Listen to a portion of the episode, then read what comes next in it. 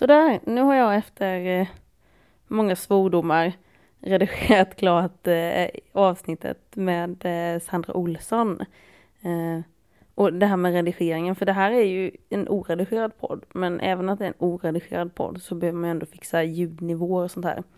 Och det är ju ingenting som faller sig naturligt för mig. Och sen så är det nog för att jag tycker det är så jäkla tråkigt också. Men nu så har jag lärt mig lite mer och är klar med detta avsnittet. I alla fall, jag som sagt jag har varit uppe eh, i Stockholm faktiskt, för det är Sandra bor. Jag har varit uppe i Stockholm och hälsat på henne och haft ett trevligt samtal som vi spelat in. Och Sandra träffade jag i somras mellan Nässjö och Eksjö i Småland i ett vindskydd. Eh, det, vi går in lite på det också hur vi träffades men Sandra har ett projekt där hon eh, ska gå genom hela Sverige. Så när jag träffade henne så gjorde hon eh, Smålandsetappen då. Så hon, hon gör den här resan eh, eh, så långt hon hinner varje år. Så går hon, så följer hon sin lilla rutt. Hon är en jättespännande kvinna, mycket intelligent, har mycket kunskap och vill ju också... Hon lämnar ingenting åt slumpen.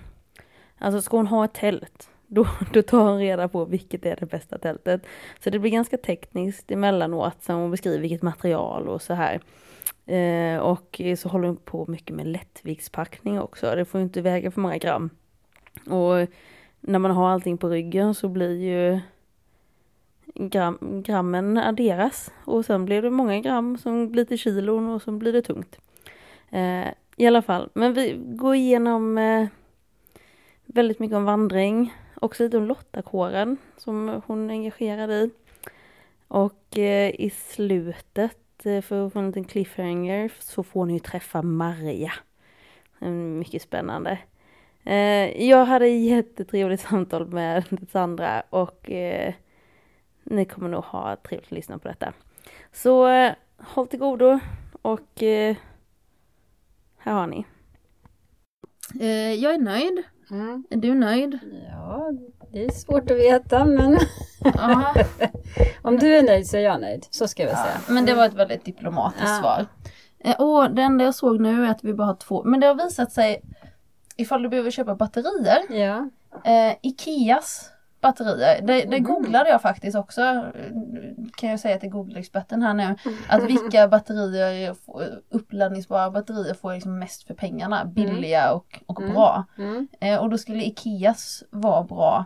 Och, eh, och nu när jag har provat dem, för innan så dog eh, när jag pratade i ett, ett avsnitt så här, i mm. två timmar, mitt i så dog den, efter en timme mm. så dog den så fick jag byta batterier. Nu en och en halv timme så har den varit, så har halva batteristyrkan kvar.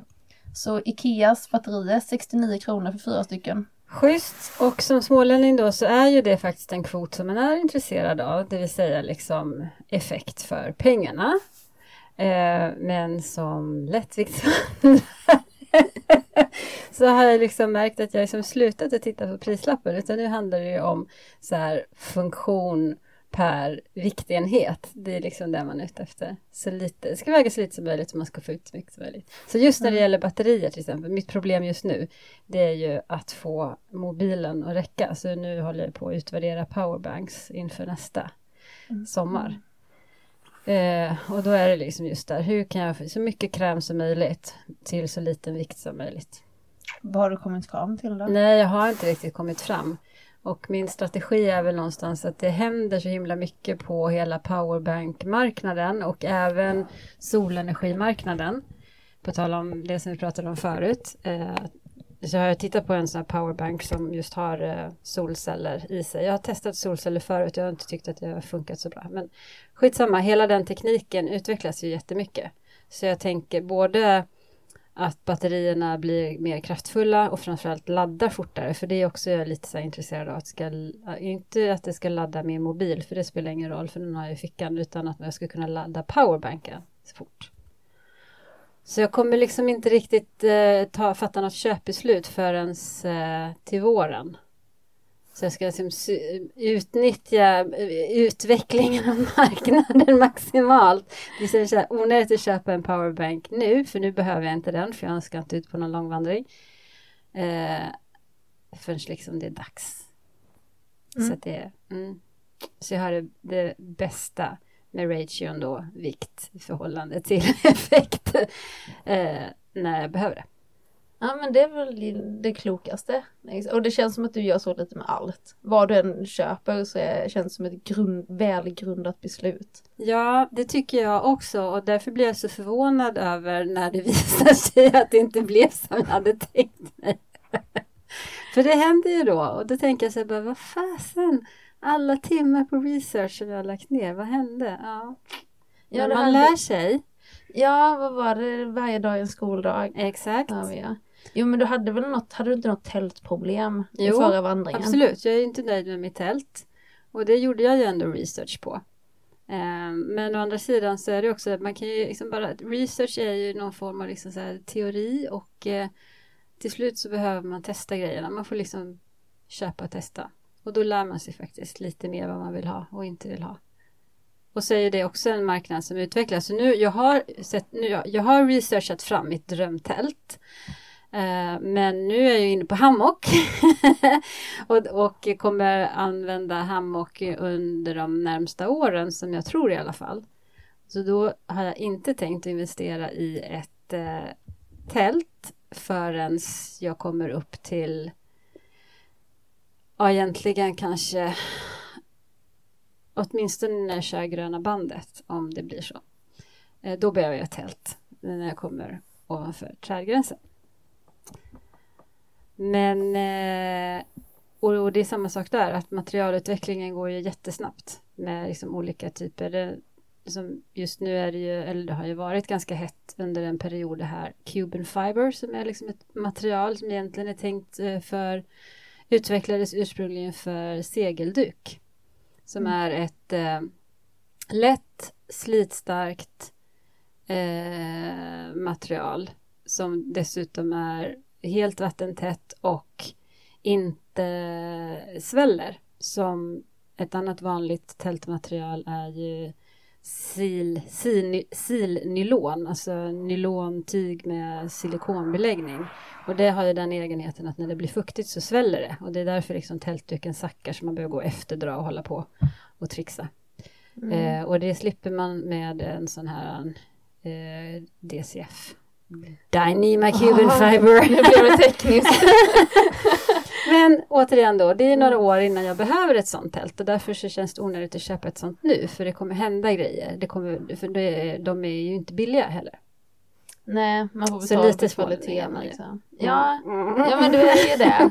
det var ju, innan vi fortsätter måste jag bara säga en sak. Att det blir lite skrapljud när vi rör på oss. Ja, Så det vi får... ska försöka sitta still. Ja, jag sa, det var ju det som jag sa, det här blir ju näst, den här podden byggs ju upp som sagt efterhand. Och nästa steg är ju att båda ska få ha hörlurar. Ja. För just nu hör ju bara jag de här, alltså för annars får du ju höra det. Har du ett par hörlurar Ja. så hör du ju när du skrapar. Men jag ska och så kan skärpa du, mig. Ja, det, det är bäst för dig det. Nej men det var inte så farligt. Den här åt något annat håll kanske? Ja, men ta sladden. Vänta, vi, kan, vi fixar till lite. Kanske om vi, om vi lägger sladden så. Nu ja, nu, nu tror jag. Och det var, det var inte så farligt. Jag bara, ja. Så nu fick eh, man följa med där Mm. också. Men Småland, Mm. ja, för det är där du har dina rötter. Mm. Och det var där vi träffades. Mm. I ett vindskydd Ja. längs med Höglandsleden. Yes. Jag vet ju vad jag gjorde där. Jag var på Mm. väg till Mariannelund. Vad, Mm. vad gjorde du där? Mm, det var då en del i mitt eh, vandringsprojekt som jag påbörjade förra eh, sommaren. Att eh, vandra från eh, Smygehuk till Treriksröset. Och eh, det här är något som jag har velat, jag vet faktiskt inte när jag först tänkte att jag ville göra det men jag har burit med mig det större delen av livet. Eh, och tanken var väl att jag skulle göra det som ett sammanhåll, som en sammanhållen vandring. Och, eh, men det blev inte så. Eh, det fanns lite planer på att göra det som ett eh, annat projekt för jag är ju engagerad i Svenska Lottakåren, att jag skulle gå igenom Sverige som en marknadsföringsvandring för Svenska Lottakåren. Och, men det blev inte så och i efterhand så är jag ganska glad för det för nu, det blev någonting helt annat. Eh, och eh, väldigt eh, Förra etapp, när jag påbörjade min vandring, då hade jag liksom en väldigt så här, uttalad strategi att det här ska bli min träning i icke-prestation. Och det kan ju låta konstigt när man ändå har liksom, det det är ju ändå en viss prestation att gå genom Sverige. Men det behöver inte vara prestationsfyllt ändå och det behöver inte vara prestation för någon annan än mig själv. Mm. Ble, låter det? Nej ja. men det, du, det, målet med det är att, att du ska lyckas, vad säger man? Ja. Eller med, med din, det, ah, Ja. fan. Förklara Alltså, det själv, ja, så kommer men- jag försöka ramla in här. Så, så här är det, nej, nej okej förklara igen istället. Alltså om jag ska vara helt ärlig så jag, jag, jag vet inte exakt vad målet är. Jag vet bara att det är någonting som jag har velat göra och jag har velat göra det för att ja, men, ett, jag tycker att Sverige är fantastiskt och jag har alltid förundrats över att jag har semestrat mycket i Sverige, även när jag var liten. Vi åkte aldrig utomlands. Det kan ju ha ma- massa olika skäl, men mina föräldrar prioriterade inte det. Men däremot så semestrade vi mycket på olika ställen i Sverige. Eh, och jag tycker att det är fantastiskt eh,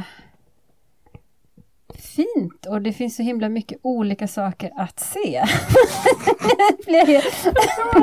Alltså jag bara kommer här och förstör dina fina historier om barndomen och ser lite förvirrad ut. That's what I do. Ja. Ja. Nej men semester i Sverige, jag är Ja. med igen. Ja. Mm. Eh, nej men att uppleva Sverige. Mm. Eh, så det, det har liksom varit någon slags ursprungstanke. Och sen också, jag gillar ju att gå. Eh, för jag tänk, eh, för man kan, skulle ju kunna ta sig igenom Sverige på massa olika sätt, enklare sätt. Eh, cykla är ju liksom ett mindre projekt bara för att det helt enkelt tar kortare tid. Bara det är ju liksom lättare att få till. Man kan bila och man kan liksom se Sverige på massa olika sätt. Men eh, för mig är liksom att gå, det är det mest ursprungliga jag kan tänka mig. Och det blir liksom så här, det här blir ju jätteflummigt och filosofiskt, men det är ju liksom ändå så det är för mig. att det blir någon slags så här, eh, ehm, kontakt med, inte bara liksom mig själv, utan mig själv som en del i den här långa kedjan av människor som har funnits före mig och som faktiskt gick. Det är liksom, det är, ja, det blir så här, att vara människa. Ja. Ja, men jag kan förstå, för det tänkte jag, en, på tal om det, liksom så här att folk har gått här innan. Mm. Så när jag gick den här eh, min lilla, Mm. för min var ju inte så stor men min lilla Smålands luff som Mm. jag hade där. Så, så kom jag till en sån mördarbacke. Mm. En sån alltså riktig mördarbacke och den tog aldrig slut. Och längst upp på den här mördarbacken så var det liksom tre hus. Och då var, tänkte jag, alltså vilka starka människor som bodde här för det var gamla hus, liksom Mm. riktiga småländska röda hus med Mm. vita knutar liksom. Mm. Så här hundra år sedan och de fick gå, jag, jag vet inte, de kanske behövde gå till skolan barnen eller eh, ja, var de än behövde gå någonstans så var det den här jävla backen, Mm. upp ner, upp ner. Och det är ganska mäktigt att Mm. komma in i sådana här tankegångar att shit nu går jag här där vi är så bortskämda med det att vi Mm. behöver ju inte gå upp Nej. oftast. Så det blir, ja men jag kan förstå vad du Men menar. var började du att gå? eh, från Eksjö. Ja. Så jag gick eh, Eksjö, typ dit vi träffades sen lite till, sen tog Mm. jag bussen till Mariannelund. Mm. Sen därifrån gick jag Virserum, vänta nu, Virserum, nej vad fan, Järnforsen, Virserum. Någonstans, jag minns inte, Mm. skitsamma. Ja, det Mm. var lite kort. Du, du hade, 40, vad var det? 44 mil den etappen. Alltså, Det kommer jag inte ihåg. Var det bara det? Kändes som 200! Nej men det, det, ja, det kanske var något sånt. Jag var ute i drygt två veckor. Jag började i, alltså i somras då, då hade jag gått från, vad som heter det nu då, på gränsen till Halland. Eh, eh, eh, eh, eh. Nu tappade jag bort det. Men, men det bör, Gislavedsleden började där. Mm. Och sen så gick jag över hela småländska höglandet och upp till, över Aneby upp till Gränna och sen ner och så avslutade jag i Huskvarna. Så det var ju som rutten för den här sommaren. Eh, och det som jag, alltså när man håller på med vandring så är det, det är ju jättemånga som håller på att vandra. Men väldigt många tänker ju vandring, då åker man upp till fjällen. Det är liksom där man vandrar. Annars så går man promenad eller ja, Mm. sådär. Men, och de som inte har liksom gått de här eh, låglandslederna, de som inte har gått höglandsleden, de fattar nog inte riktigt hur kuperat det är, på tal om liksom backar. Mm. Framförallt mellan eh, Hok och Tomtabacken, Tomtabacken som är Smålands högsta punkt, södra Sveriges till och med. Tror jag. Ah, ja. Jo men det är nog södra Sveriges högsta punkt. Ja. Eh, jag kommer inte långt. Där är det verkligen så här upp och ner och upp och ner.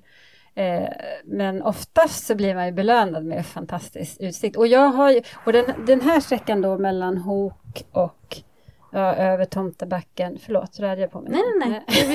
Det, det var, jag, ja, tänk inte på det så mycket. Jag, det, jag, jag, tror att vi kan redigera bort det, uh. eller vi.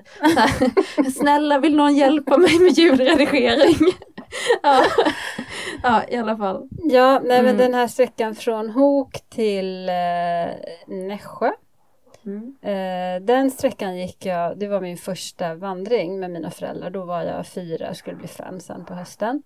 Det var liksom det första vandrings, jag kan inte säga vandringsminne för jag vet inte om egentligen om jag kommer ihåg så himla mycket. Men jag tror att det har präglat mig väldigt mycket och jag fick verkligen sådana aha-upplevelser när jag gick den sträckan för den var extremt kuperad och det var så här jättebrant upp och det så fantastiska utsikter och då fattade jag någonstans bara, ah, det är här liksom min lite fixering vid att gå upp för berg. För, för jag har lite så här, åh en kulle, jag måste gå upp på den. Eller liksom, öj, ett berg, kan vi inte klättra upp på det? Och ofta så är det ju inget spännande alls på andra sidan, men det liksom, spelar ingen roll. Jag vill liksom upp. Eh, och det, det, tänkte jag så här, ja men det kan jag liksom förstå, för för en fyra femåring så är det ju superhäftigt att klättra upp för de där bergen.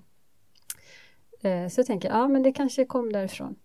Mm. Också för att eh, Eh, vi vandrade sen flera gånger som barn med mina föräldrar och jag minns ju de här vandringarna som extremt eh, ja, vad ska man säga, jag minns dem verkligen med värme. Det är så här, jag brukar säga att jag samlar på pärlor som jag, så jag pärlar ett långt pärlband och det är liksom så fina minnen som jag sparar som pärlor. Mm. Och de här vandringstillfällena, det är verkligen pärlor på mitt pärlhalsband. Um, så jag tänker så att jag tänker att det ändå inte bara så här liksom själva att det var häftigt att gå upp för ett berg utan jag tror liksom att hela stämningen med mamma och pappa och de första åren så var det jag och min syrra och sen var vi vid någon vandring sen när jag fick, när jag fick min lillebror, han är ganska mycket yngre än oss. Men, eh, ja, men liksom att det var en sån, det var en sån skön känsla som jag tänker att jag förknippar med de här jäkla bergen. så liksom någonstans att gå upp för ett berg för mig det är liksom att återupptäcka någonting som jag minns som väldigt fint. Mm. Jätteflummigt. Nej, det låter inte alls flummigt. Ja. Nej, alltså för det... Vad är flummigt? Vad, är, fan är flummigt liksom? Ja, det är flummigt. Saker kan få vara flummiga tänker ja. jag. Det är ja. inget dåligt. Nej, och sen, men om man ska kolla det, naturen är väl egentligen det minst flummiga vi har, för det är ju väldigt eh, konkret. Alltså ja. det, naturen är naturen och oavsett mm. vad, ifall man är där eller inte så ser den ju ut som den gör. Mm. Så egentligen så är den väl inte så flummig. Ja men jag vill gå upp för det här berget och uh, känna Nå av stämningen. Någonting är det i alla fall och när jag gick, uh. Uh, när jag gick den här sträckan igen nu då, då eh, Ja men då tänkte jag verkligen tanken så bara, aha, nu fattar jag. Ah, det beror på det här. Uh, ja, men så det, det, här var då i somras då när vi träffade, då var det tredje etappen jag var ute på. Jag hade haft möjlighet att vara ute en vecka lite tidigare på våren. Uh, men första sommaren då, förra sommaren, när jag började i Smyghuk, mm. då gick jag genom Skåne, eller genom och genom. Jag går liksom inte rakaste vägen, utan jag går där jag vill gå. Eh, och det är det eh, som jag känner så himla skönt nu när det här projektet blev som det blev. Att eh, hade det varit eh, eh, det här Lotta-projektet jag hade, då skulle jag haft en tidsplan och det skulle handla om att ta sig i princip så fort som möjligt till nästa ställe för att göra marknadsföringsaktiviteter och så vidare. Och det hade, det hade varit eh, jättekul, men det hade mm. varit någonting helt annat. Där hade det liksom varit eh, målet hade ju varit att vi haft ett väldigt tydligt prestationsmål. Medan nu så som sagt jag vet liksom inte riktigt ens vad målet är och det är helt okej.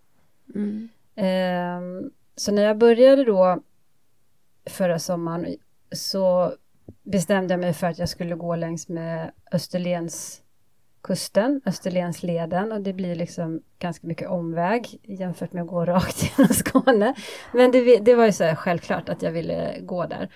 Och som sagt var att eh, när, när jag liksom hade tänkt om från att ha det här liksom prestationsprojektet till att göra det här, okej okay, jag gör det här till min egen vandring, som egentligen var tanken från början. Från början, alltså när jag var yngre och, och började så här, jag skulle vilja gå genom Sverige, då var det ju alltid liksom bara ett egoistiskt grej göra för min egen skull. Det vore liksom en häftig grej att göra.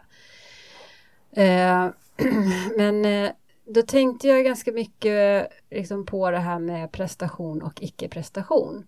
Så då var jag otroligt så här, tydlig med att nu, det här ska bli icke-prestation. Du behöver inte, alltså jag pratar med mig själv. Det, ja. Ja, nu, du är jag nu. Alltså. Ja. du behöver inte eh, sätta upp hur långt du ska gå eller hur långt du ska komma eller och ta en dag ledigt när det är fint väder och ligg vid havet och allting sådär. Alla sådana mm. liksom tillåtelse att bara vara i nuet och liksom go with the flow och allting. Eh, så jag gjorde det ganska mycket förutom att jag upptäckte att jag hade inte alls någon lust att ligga vid havet. Alltså under den här vandringen så upptäckte jag att min drivkraft och att den var autentisk. Eh, det var liksom inte en drivkraft som kom från någon annan, att jag skulle göra det för någon annans skull eller för att jag skulle uppnå något uppsatt mål, utan det fanns en autentisk drivkraft i att gå, i mm. att ta sig framåt. Och återigen, inte att ta sig framåt så fort som möjligt, men att Alltså när jag liksom kollade på um, kartan och så här liksom kollade hur långt jag hade gått och liksom man så här följde med fingret så här runt och så bara shit, alltså jag har gått hela den här, alltså det är så, det är så coolt. Eh, så då till eh, året därefter då, det vill säga i år. och den här eh, etapp två då som jag gjorde i våras någon gång. Då hade jag liksom inställningen att jag skulle ge mig själv så goda förutsättningar som möjligt att faktiskt kunna tillrygga, lägga lite längre sträckor. För första sommaren var ganska kämpig. Eh, då hade jag, jag tyckte ändå så att jag hade bantat ner min eh, vandringsutrustning eh, för att gå solo. Jag hade aldrig gått solo förut, aldrig, aldrig vandrat en, alltså jag hade gått eh, mycket dagsutflykter och sådär. men jag hade aldrig tältat ensam förut. Eh, och helt plötsligt så ska jag bära allting själv. Så att jag, jag, by, jag, bytte ändå ut en del utrustning för att jag skulle överhuvudtaget orka bära det. Men det blev ändå nästan 24 kilo när jag började. Och det är ganska tungt för, vad väger jag, runt 60 sådär. Um, och det märkte jag också, inte så mycket att det var tungt att bära för jag hade en jättebra ryggsäck och sådär så att när jag väl fick, jag orkade knappt lyfta ryggsäcken, men när jag väl fick upp den på ryggen så satt mm. den liksom bekvämt. Men det är ju ändå en belastning för kroppen så jag fick framförallt väldigt ont i fötterna vilket gjorde mm. att jag mm. kunde inte inte gå så långt. Jag orkade, det gjorde för ont helt enkelt. Jag fick stanna för ofta och sådär så att jag, bruk, jag kunde någonstans runt ja men tre, fyra kanske, där var liksom min smärtgräns och då kanske jag kanske... Alltså tre, fyra på dagen eller tre, fyra mil? Nej, tre, fyra på eftermiddagen. på liksom. eftermiddagen då, så här, ja. nu, nu orkar jag inte gå mer för att jag behöver liksom stanna och massera fötterna och det blev liksom bara stanna och massera fötterna ja. till slut. Ta hand om dem. Ja, men precis. Eh, och det var jätteskönt att gå längs med havet, för även om förra sommaren var väldigt varm så var eh, havet runt Österlen inte så varmt. Så att jag stannade ju ofta och liksom eh, svalkade fötterna. Och det var på några ställen så var det så himla sköna klippor, för de var så här skrovliga fast mjuka. Ah, det var så skönt att gå, så då, då bara slet jag av mig kängorna så bara gick jag så här och masserade fötterna jätteskönt. Eh, men eh, då i alla fall, ja men jag kanske snittade på knappt två mil. Ja, jag, jag tror jag gick under två mil eh, om dagen eh, den sommaren. Och sen då när jag liksom utvärderade och insåg att nej, men jag, det, för mig är det liksom viktigt att orka gå hela dagar. Jag är inte jätteintresserad av att ligga häcka i läger det var liksom inte det, jag är skitlat, jag älskar att bara ligga och slöa, men det var inte det jag ville där och då. Um, så då började jag liksom titta på hur skulle jag kunna minska den här packvikten. Mm. Eh, så att jag inte får sådana problem med fötterna. Och då hittade jag liksom då till lättviktspackningens underbara värld och det är så fantastiskt eh, nu för tiden att man kan ju liksom hitta likasinnade precis var som helst, eller precis var som helst, i telefonen, i, på sociala medier. Ah. Uh, så jag hittade, det är framförallt en Facebookgrupp som jag har uh, fått mycket så inspiration av. Den heter uh, Vandra fjäderlätt. Jag hänger mycket, mm, inte, nu är jag inte jätteaktiv men jag har varit aktiv. Så jag har liksom successivt så bytt ut material men det handlar liksom också om att hitta att en pryl kan ha flera användningsområden och att man behöver inte så mycket kläder till omby, alltså egentligen och sådär. Så att när jag gick, jag tror, jag kommer inte ihåg hur mycket jag hade den veckan, du var ju bara ute en vecka så du kanske hade en 11-12 kilo, men nu den sista etappen när jag var ute 16 dagar med all, all mat som jag hade Ja just det, för du hade hela, all maten. Ja. Eh, då hade jag 16 kilo. Det är ganska stor skillnad mot 24. Mm. Eh, och så hade jag bytt ut mina kängor som visserligen, jag hade liksom ändå valt ett par lätt, lättviktskängor så jag var, liksom, jag var ju inne på det här med lättvikt men jag hade liksom inte riktigt förfinat det där. De hade jag bytt ut mot ett par trailskor som är lätta och upptäckte jag framförallt tror jag det viktigaste för mig var att de var luftiga, att jag inte blev så varm om fötterna. Mm. Sen blir man då istället blöt om fötterna. Och jag har liksom inte riktigt sådär, eh, jag har inte riktigt anammat konceptet om att vara blöt om fötterna. nej, nej. Eh, så att jag hade med mig ett par neoprensockar, så att när det var Neopren? Ja, neopren det är då ett vattentätt material. Okej. Eh, det finns alltså vattentäta strumpor? Ja. Vattentäta-ish skulle jag säga. Ja. Eh, men det, och det finns väl lite olika material. Men, och jag använder ett märke som heter Sealskins. Men de, man blir varm i dem för de är ju täta. Mm. Så att det var liksom lite så här pest eller kolera, ville bli varma för att, Men det var liksom, jag kunde variera för att det regnade ganska mycket det var rätt blött i somras. Jag tror att när vi var ute 16 vandringsdagar så regnade det säkert 10 utav dem. Och när det inte regnade så var det ganska mycket dagg i gräset så att även om det var liksom jag vaknade till strålande solsken så var jag ändå blöt om fötterna mm. förmiddagen. Eh, så någon gång så bara, ja jag står inte ut. Eh, då använde jag dem där. Men som sagt var då blev jag varm om fötterna. Så, ja. så det där, jag har inte riktigt så här inte riktigt vän med det där, men jag kommer i alla fall inte återvända till kängor. Inte för de här sommarvandringarna i alla fall. Okej. Okay. Ja. Uh, ja. ja men du har ju, alltså jag tänkte på det här som du sa att man kan kombinera saker. För mm. det kommer jag ihåg att du snackade mycket om när vi träffades mm. också där. Uh, vad, vad säger man? Uh, waste not, want not uh, mentaliteten. Mm. Att man, uh, men då, då var det bland annat med med, eh, med vatten.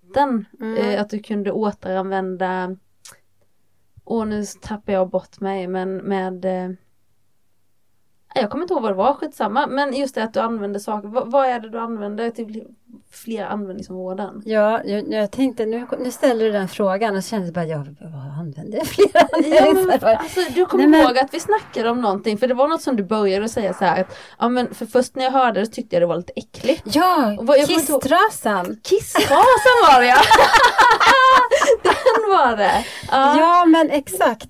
Eh, för innan jag kom in på kisstrasan så kan jag liksom säga att någonting eh, som jag upptäckt som jag liksom vill minimera på mina vandringar. För även om jag inte är helt säker på vad liksom det, sl det slutgiltiga målet med hela det här vandringsprojektet så vet jag i alla fall liksom målet med att vara ute och vandra under en längre tid. Det handlar om att eh, förenkla tillvaron, att liksom få det här ständiga bruset som jag i alla fall har i vardagen att liksom stillna. Eh, och liksom hitta, förenkla tillvaron. Det blir alltså helt plötsligt så är består tillvaron av mig och min ryggsäck och där har jag allt jag behöver.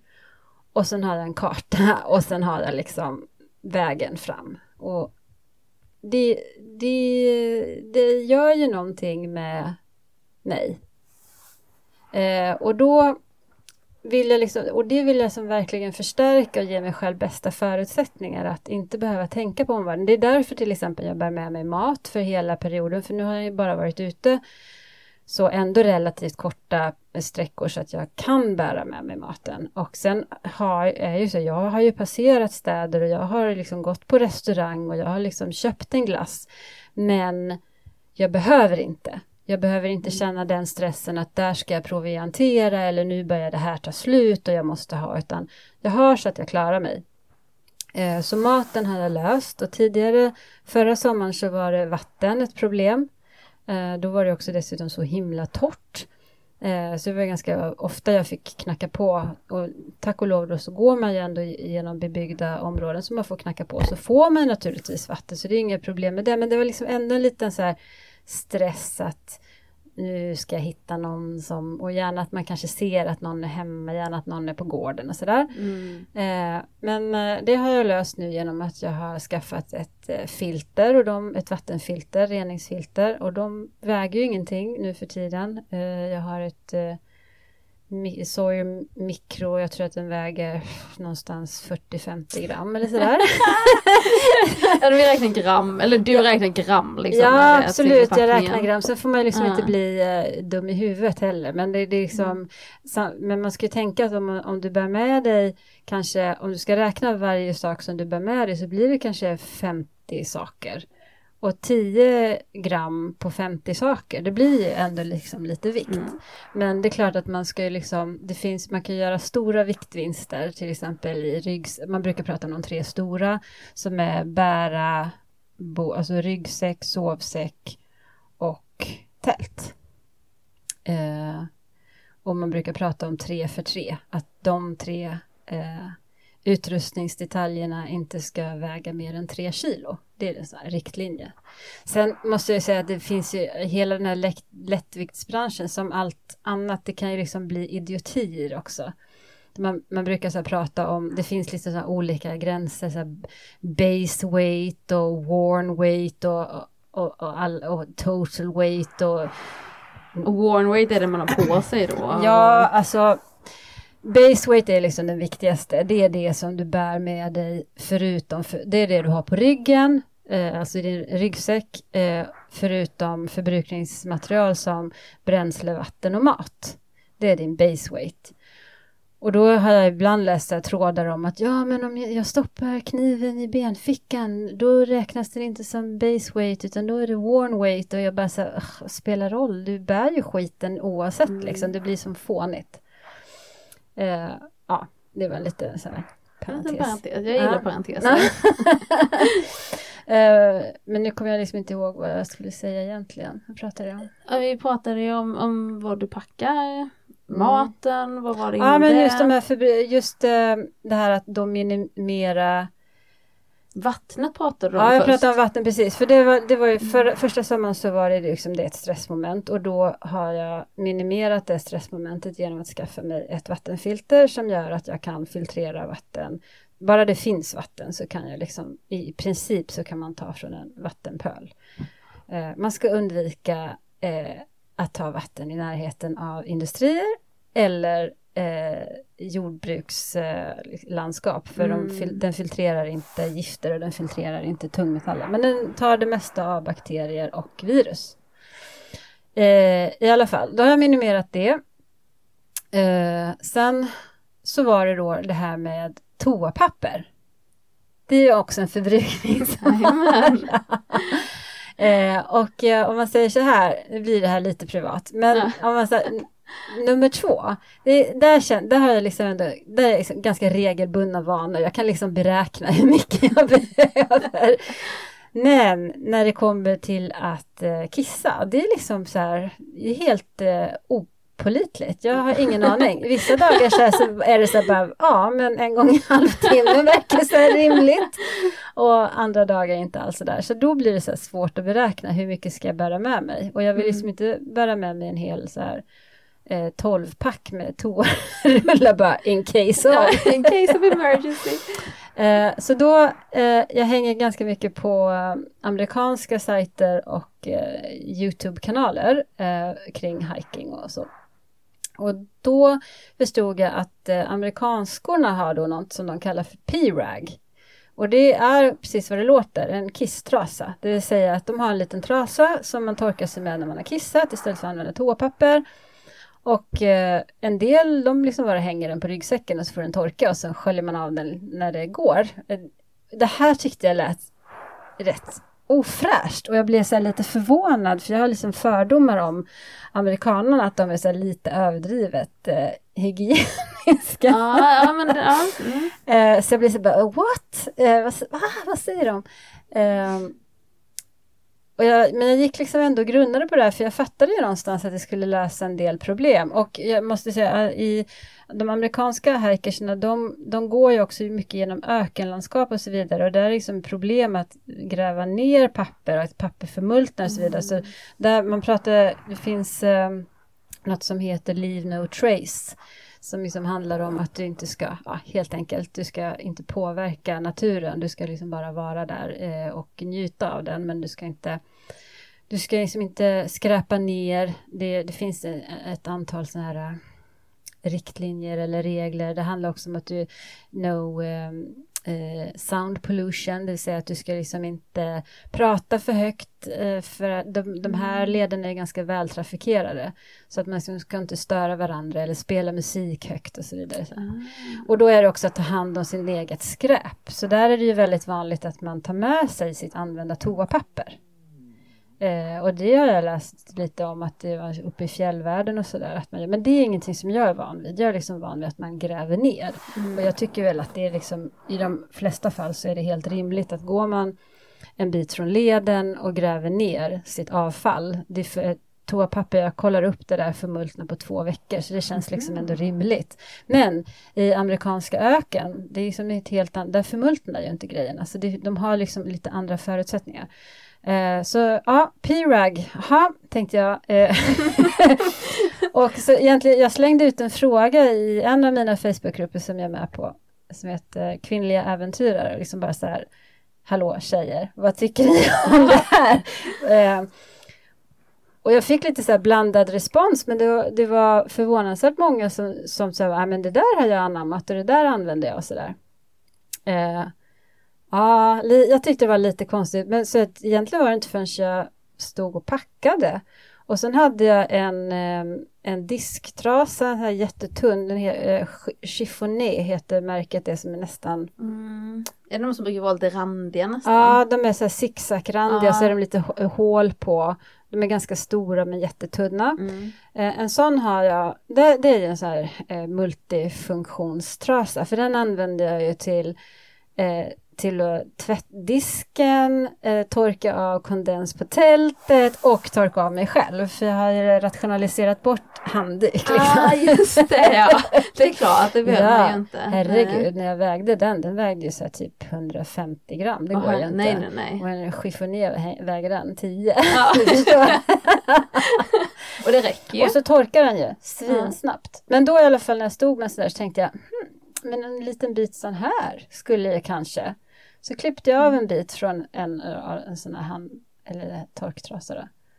Och så hade jag med mig den. Eh, och jag sköljde den, för menar, det var inget problem med tillgång till vatten. Så att när jag hade använt den så tog jag liksom min vattenflaska och så sköljde jag den. Och då upptäckte jag att det här var ju ganska hygieniskt. Då, samtidigt så sköljde jag liksom handen. Jag hade torkat.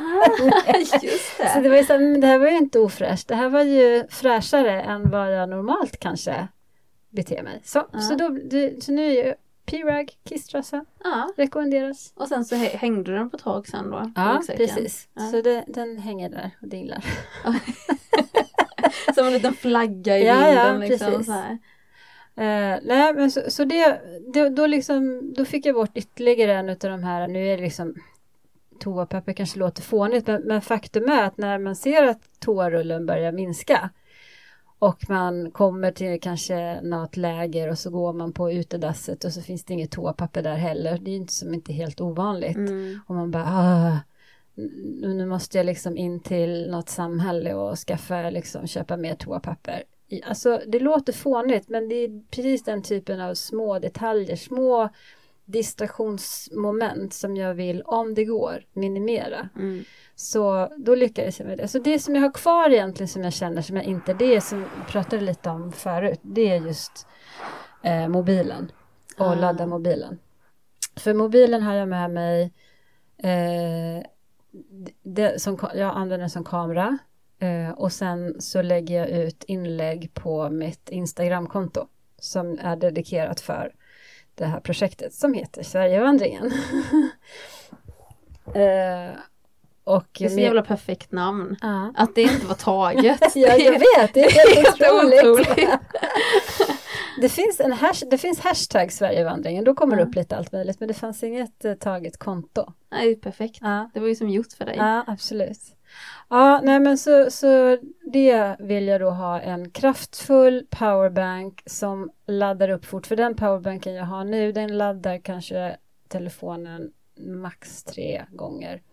Och dessutom har jag en telefon som, ladd, som är ganska gammal, så det har jag väl också tänkt kanske att investera i en sprillans ny telefon. Oj, ja. Ja men också så här, jag gör det sen. För Ja. just för mitt liksom vardagsbehov så spelar det ingen roll. Där har man nästan alltid tillgång till laddning. Framförallt så har jag powerbanken med mig i väskan så det, det är inga problem.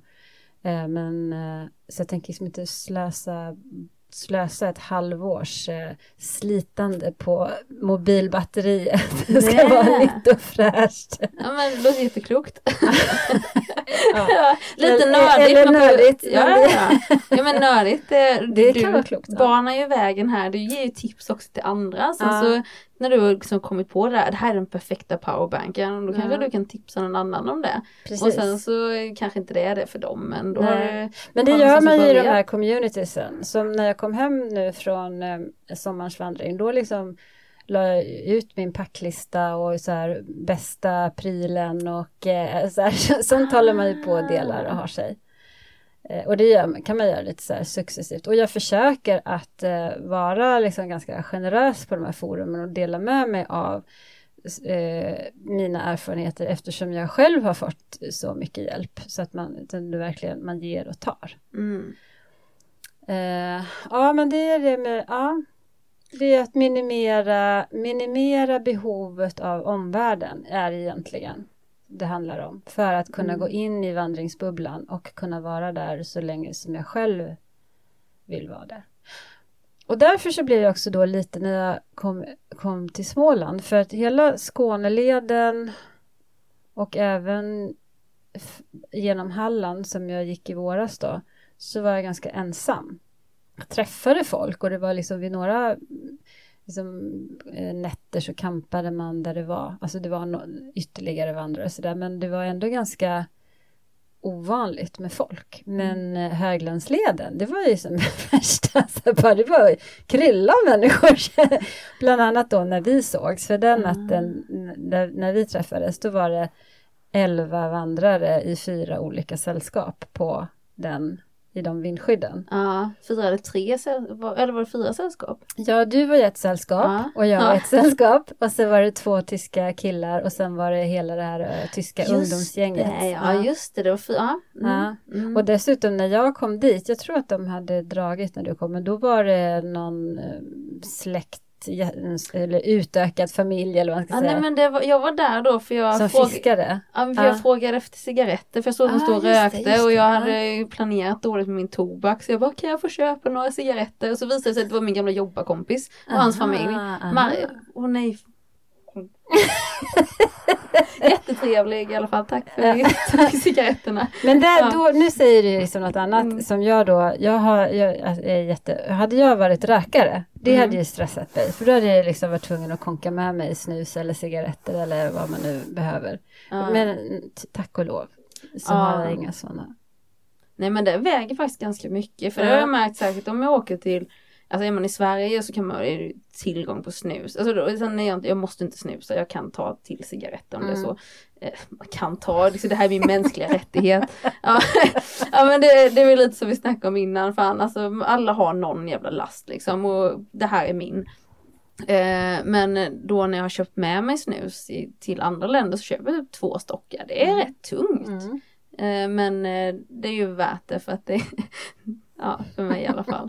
nu, eh, och, ja, vandringssällskap, det är oftast ganska tomt säger du, men mm. nu så i höglandsleden. Ja, höglandsleden, där var det helt plötsligt eh, lite mera action. Alltså till slut Alltså de första gångerna som jag träffade folk så, så, vet, så kommenterade jag det i mina, in, på min Insta. Eh, så här, idag träffade jag bla, Men till slut var det så här bara att men, det var ju folk hela tiden som man, och nu är det liksom, det var, man går ju inte tillsammans eller det är inte sådär eller att man eh, att det är trångt men det var liksom ändå påtagligt att någonting mm. hände där och jag vet inte om det var att just den här sommaren för att man säger ju att eh, vandringsindustrin ökar och eh, folk väljer att semestra mera hemma med flygskam och mm. allt hit och dit om det liksom var det eller om det var att höglandet just det liksom. Ja, men jag tror att det är eh, lite höglandet just Mariannelund. Jag tror det är en Astrid Lindgren grej. Jag mm. tror det är därför alla tyskarna kommer. Men jag gick ju inte ens till Mariannelund. Jag gick ju, jag vek ju av där Ja men de tar, alltså jag, ja. jag, vet inte om det men jag tror, jag, jag tror det. För jag har ja. träffat, jag har också träffat mycket tyskar ja. runt eh, andra gånger när jag varit där runt med. Och många har, de vet om Småland ja. på grund av Astrid ja. Lindgren. Även ifall de inte går till Mariannelund så är, jag tror att det är det som har satt Småland på kartan. Ja, ja men så, så kan det vara. Men det var, det var alltså förutom de tyskarna där vi eh, övernattade så vet jag inte om det, jag tror alltså det, det var, var mycket svenskar och det var mm. flera som var så här första gången de vandrade. Jag träffade två killar i 20-årsåldern och de, liksom, de hade lånat ihop så utrustning och morfar. Och oh. så, här. så det känns ändå som mm, det kanske är någonting som, som liksom är på gång. Vandringen var väl stort då när jag var liten. Jag är född 73 så liksom, under 70-talet så var det ju mycket och liksom vandringslederna hade börjat anläggas. Eh, i stor, lite större skala. Just låglandslederna hade liksom, höglandsleden är ju inte jättegammal, så jag tror att den är väl där någonstans. Den var ganska ny då, tror jag. Okay. Så, ja. Men jag tänkte på det här med, med packning och lättvikt, men framförallt liksom, för lättvikt handlar inte bara om eller för mig handlar det egentligen inte alls om vikten utan det handlar just om att skapa, ge förutsättningar för det jag vill uppnå med min vandring, nämligen orka gå långa dagar, orka gå långa sträckor utan att ha ont. Det ska inte vara en plåga, det är liksom mm. inte en prestation på det sättet. Eh, Vandrarnas, vandrarens värsta fiende skriver något om. Blåser. ja men tack och lov så har jag ju verkligen inte problem med blåsor. Det kan, det, det kan vi prata om också.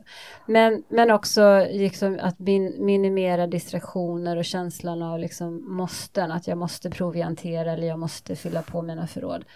Och då kommer vi då till maten, tänkte jag bara att jag skulle säga någonting Amen. kort om. För där har jag liksom också gjort eh, vissa förändringar jämfört med förra året. För förra året hade jag med mig ett litet gaskök. Eh, och visserligen, jag hade lätt mat, det hade jag förra året också.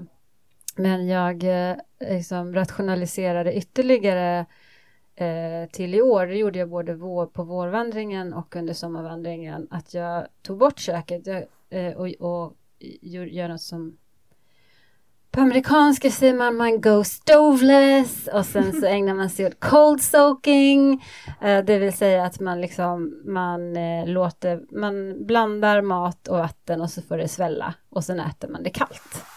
Eh, och det kan man göra med jättemycket mat som man normalt sett värmer. Men jag tycker att jag åt, jag åt liksom god mat. Det var liksom jag saknade verkligen inte lagad mat. Eh, och nu ska jag då säga då bara for the record så att ingen säger att jag sitter och ljuger. Jag, som sagt var, jag, var, jag käkade lunch på några ställen men då valde jag ändå kall mat så det var liksom inte så här att jag behövde varma och det var så, inte ens en varm sommar. Det var liksom rätt kallt och eländigt men eller blött i alla fall. Ja, det regnade ganska mycket. Ja, det gjorde det. Ja, kväll, morgonen där efter vi träffades så Ja. regnade det. Jag stannade kvar i det vindskyddet. Jag gick i, Ah. Skurugata då. Ah, Jag kom ju igenom hela gatan, tack och lov, för jag fotade ganska mycket där. Eh, och sen när jag kom upp ur gatan så var det liksom bara himlen öppnade sig och sen regnade det ju ja, så himla mycket. Ja, det, jag valde ju att stanna kvar där. Ja. För jag bara, "Nej, ska jag, för jag, jag har ingenstans jag behöver vara. Ska jag, nej, jag, nej alltså, så jag låg där och tittade på regnet. Så tänkte jag på, på dig att, eh, hittade du, vad- hur gick du då till nästa vindskydd eller tältet eller vad? Eh, nu ska vi se hur jag... ge- ja, För det första kan vi bara säga någonting om Skurugata Ja, som ligger utanför Eksjö. Det är en så det här är något. geologisk eh, intressant eh, plats. Eh, som består av Skurugata som är en, en ravin och nu har Mm. inte jag liksom alla, så här, jag är inte jättebra på siffror så jag kommer inte ihåg siffror riktigt. Jag, jag, men det är en ganska djup ravin som går Mm. en sträcka då som man går ner i och det är Jag tror det kan vara 20 meter kan jag uppskattat kanske. Eh, är 20 meter. ner. Alltså själva ravinen, höjden Så på... något, något säger mig typ 40 men jag Ja, kan ha fel. Ja men det kan det nog vara. Det kan vara djup på sina ställen. Ja, så själva höglandsleden går egentligen uppe på det som man kallar för hatten. Det är så här, uppe på berget och med jättefin utsikt och så. Men eh, det finns ju flera leder runt omkring där för det är ju ett utflyktsmål i sig. Så, och jag valde att gå nere i ravinen då, i det som kallas för gatan. Eh, och där är det liksom aldrig varmt, oavsett hur varmt det är annars är det liksom Mm. alltid svalt där, det är alltid fuktigt och det, ja, men det är väldigt så speciellt. Eh, så jag, jag, jag var kvar där och fotade en del för jag har, har med mig en liten sån här eh, vad heter det, fjärravtryckare till mobilen som bara väger typ 12 gram eller något sånt där. eh, så att jag kan så här, göra lite så här roligare bilder. Jag kan ställa upp kameran och jag kan eh, få liksom lite kul bilder. För att jag tycker jag fotar ett jättestort intresse. Nu är mobilen en usel eh, kamera men alltså det Den går ju ändå. minst. Ja, men som sagt var när jag till nästa sommar ska jag byta mobil och då är det liksom, det är ju inte, det är kamera och batteritid, det är liksom de spesarna som jag tittar på. Mm. Och vikt lite också. Mm. Men är det skillnad på mobiler mycket viktmässigt? Ja det är klart det. Ja, men det är det ju. Eh, Och jag Mm. vill heller inte ha så stor mobil. eh, För att jag vill liksom den ska kunna vara smidig och eh, gå ner i mina små fack som jag har. Ja.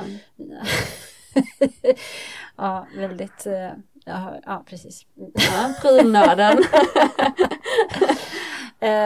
Men, en, men det finns ju jättebra kameror nu. Och jag har Mm. tappat min mobil också så jag fick en spricka i kameran så bytte jag lins eller det här, ja, det blir inte riktigt bra sådär. Så jag har min kamera, jag har ju en jättefin systemkamera. Mm, men den släpper jag inte med mig på långvandring. Däremot så kan jag göra så dagsutflykter och ta med den. Och det är, Mm. det är väldigt sällan jag fotar med den och det är ju, ah, det är så fantastiskt. Ja. med, ja, det Ja det är skillnad. jätteskillnad om man, Mm. säkert om man har det som intresse då är det Mm. klart att eh, Men eh, i din lättviktspackning så blir det Mm. ju lite dumt. Det blir lite dumt. Men, men jag menar det är ju många lättviktare som har med sig jättefin och tung eh, kamerautrustning och då är det liksom det- ett skäl att minska packvikten är ju för att du ska kunna ta med dig sånt som du liksom tycker är viktigt. Mm. Eh, så det handlar liksom inte, det handlar inte om att, eller för en del handlar det om att liksom verkligen inte ha någonting men herregud du kan ju liksom gå naken och, och äta blåbärsris. Liksom, ja, det går ju det med så att ja. För mig handlar det om att eh, det finns ett, eh, eh, han som den, han som i Sverige i alla fall är någon slags guru, guru på området. Han har eh, mynt, liksom, principen för lättviktspackning. Det är så lätt som möjligt som får jobbet gjort. Mm. Och clown är ju här jobbet. Vad är det för jobb du vill ha gjort? Det kan ju vara jätteolika. Men om du ska bestiga ett berg så behöver du klätterutrustning och det, behöver, liksom, ja, det innebär att din utrustning behöver vara tyngre än den som vill ha ett annat jobb gjort. Och det här kan jag tycka ibland att man i de här äh, lättviktskretsarna kanske glömmer bort att det blir så lätt som möjligt. Men det är inte det som är syftet. Mm. Så lätt som möjligt som får jobbet gjort. Mm. Ja, jätteklokt. Ja, Ja. eller hur? Ja, ja, ja. Jag, älskar ju sådana snabba, så, Ja. så få eh, sammanfatta me- meningar som sammanfattar ett stort ämne. Precis. Liksom. Ja. precis. Ja, nej, men så min, min mat då, det är som jag, så i och med att, dels så har jag, i och med att jag nu då går stoveless så behöver jag ju inte ha med mig ehm, eh, det, det, det. Kök, Ja, inte, dels behöver jag inte ha med mig kök men jag behöver heller inte ha med mig bränsle. bränsle, tack. Ja. I mitt fall gas, men man kan ju, det finns andra bränslen och sådär också. Eh, vilket ju då minimerar stressen. För första sommaren så hade jag med mig liksom den största gasflaskan jag hittade. Men jag använde ju bara en bråkdel av den. Men samtidigt så vill jag inte bara ha en liten för tänk om den tar slut. Mm. Då måste jag alltså leta reda på någon som säljer. Och det, Ja. gör det, fin, det, finns, det är ju inte ens enkelt att få tag på. Så, ehm, så det tycker jag också var liksom är en bra grej för mina syften där och då.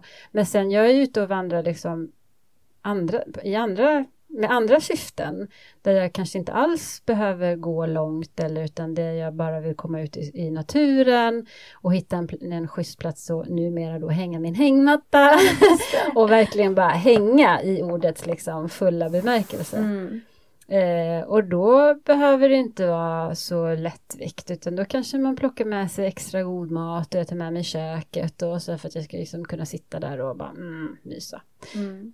Så mm. Ja men du har hittat ett koncept som passar dig i dina olika sammanhang. Liksom. Ja, alltså lite som lite olika koncept. Alltså, och att, att jag också liksom har lärt mig själv att ställa frågan vad är syftet med den här turen? Vad är det för jobb jag ska göra den här? Liksom, Ja. vad är det för utrustning jag behöver? Så att, eh, och det var också ganska bra för nu här i, ja, det var väl efter semestrarna, men i början på hösten i alla fall så var jag ute med en eh, kompis. Hon har inte varit ute och vandrat speciellt mycket.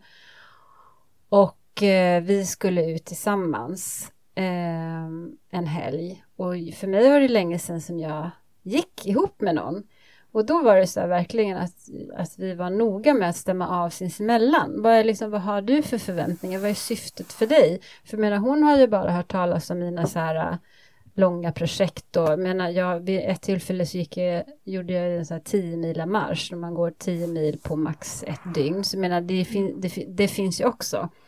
Och eh, som i somras då så lyckades jag ju eh, verkligen att ge mig själv förutsättningar att gå längre dagsetapper. Så då snittade jag på tre mil istället. Det är liksom ändå ganska stor skillnad mot knappt två mil. Mm. Eh, så jag tänkte, så jag, och men för mig när vi skulle ut, så jag hade liksom bilden av att jag ska liksom bara ut och liksom ha det gött och umgås med min kompis. Och, så då var det så här viktigt att stämma av så att inte hon hade bilden av att nu ska vi ut på strapats vi ska gå fem mil och Ja men du Ja. vet, liksom, att man faktiskt Men kommuni- kommunikation. Ja, enkelt. och att, och att vandring kan vara så himla många olika saker. Mm. Det är liksom inte bara att vandra. Samtidigt så är det ju bara det. men det vore så. Ja, men sen är man är ju mycket, ja, för man inte går, man går själv då, så Mm. blir man ju mycket i sitt huvud. Mm. Och mycket insikter kanske som kommer. Mm. Och man, som, alltså jag gillar ju att läsa din i Sverigevandring här. Alltså Mm. jag sa ju det till innan att jag läste nu igen. För jag läste ju somras många av dina inlägg. Och så Mm. nu på bussen på vägen hit så satt jag och läste. Och du får ju de här enkla sakerna och blir väldigt, eh, för där och då så är de ju stora. Vad ska jag Mm. äta till lunch och hur ska jag fixa mina fötter? Hur ska jag motivera mig? För vad, någon dag kanske det blir så här, men varför gör jag detta liksom? Mm. Men an, skäl till att vandra skrev du Mm. också mycket om. Mm. Så vad har du för skäl till att vandra? Ja, men jag kom ju på jättemånga där. Ja, jag vet. Men det är liksom, det, alltså det grundläggande och alltid återkommande, det har vi liksom ändå varit inne på. Det är liksom att få den här pausen från eh, skala av, eh, skala bort. Eh, det blir en för mig är det ju liksom återhämtning. Och det är ju inte bara själva gåendet utan det är ju också att vara i naturen. Alltså för mig, jag var sjuk här nu för ett tag sedan och låg sjuk ganska länge och höll, blev helt uttråkad. framförallt blev jag uttråkad på att titta på serier. Så jag började kolla på dokumentärer istället för det kändes ändå liksom lite som att jag gjorde någonting vettigt. ja men det känns lite mer produktivt. Ja. Ja. Och då såg jag bland annat en dokumentär om, på SVT var väl det, just om naturens läkande kraft och hur man liksom hade forskat på eh, vad naturen kan göra och i Japan är det något som heter skogsbad, är jättepopulärt och då, är liksom, då, finns, då, har, då går man ut i skogen med en guide liksom. Som, eh, och eh, lärde jag mig då att någonting som jag gör som är superknasigt har jag tänkt men som visar sig att det var ju helt klokt. Det är att jag, så här, jag kan ju bli så här kär i träd. Alltså Ja. de är ju så fina.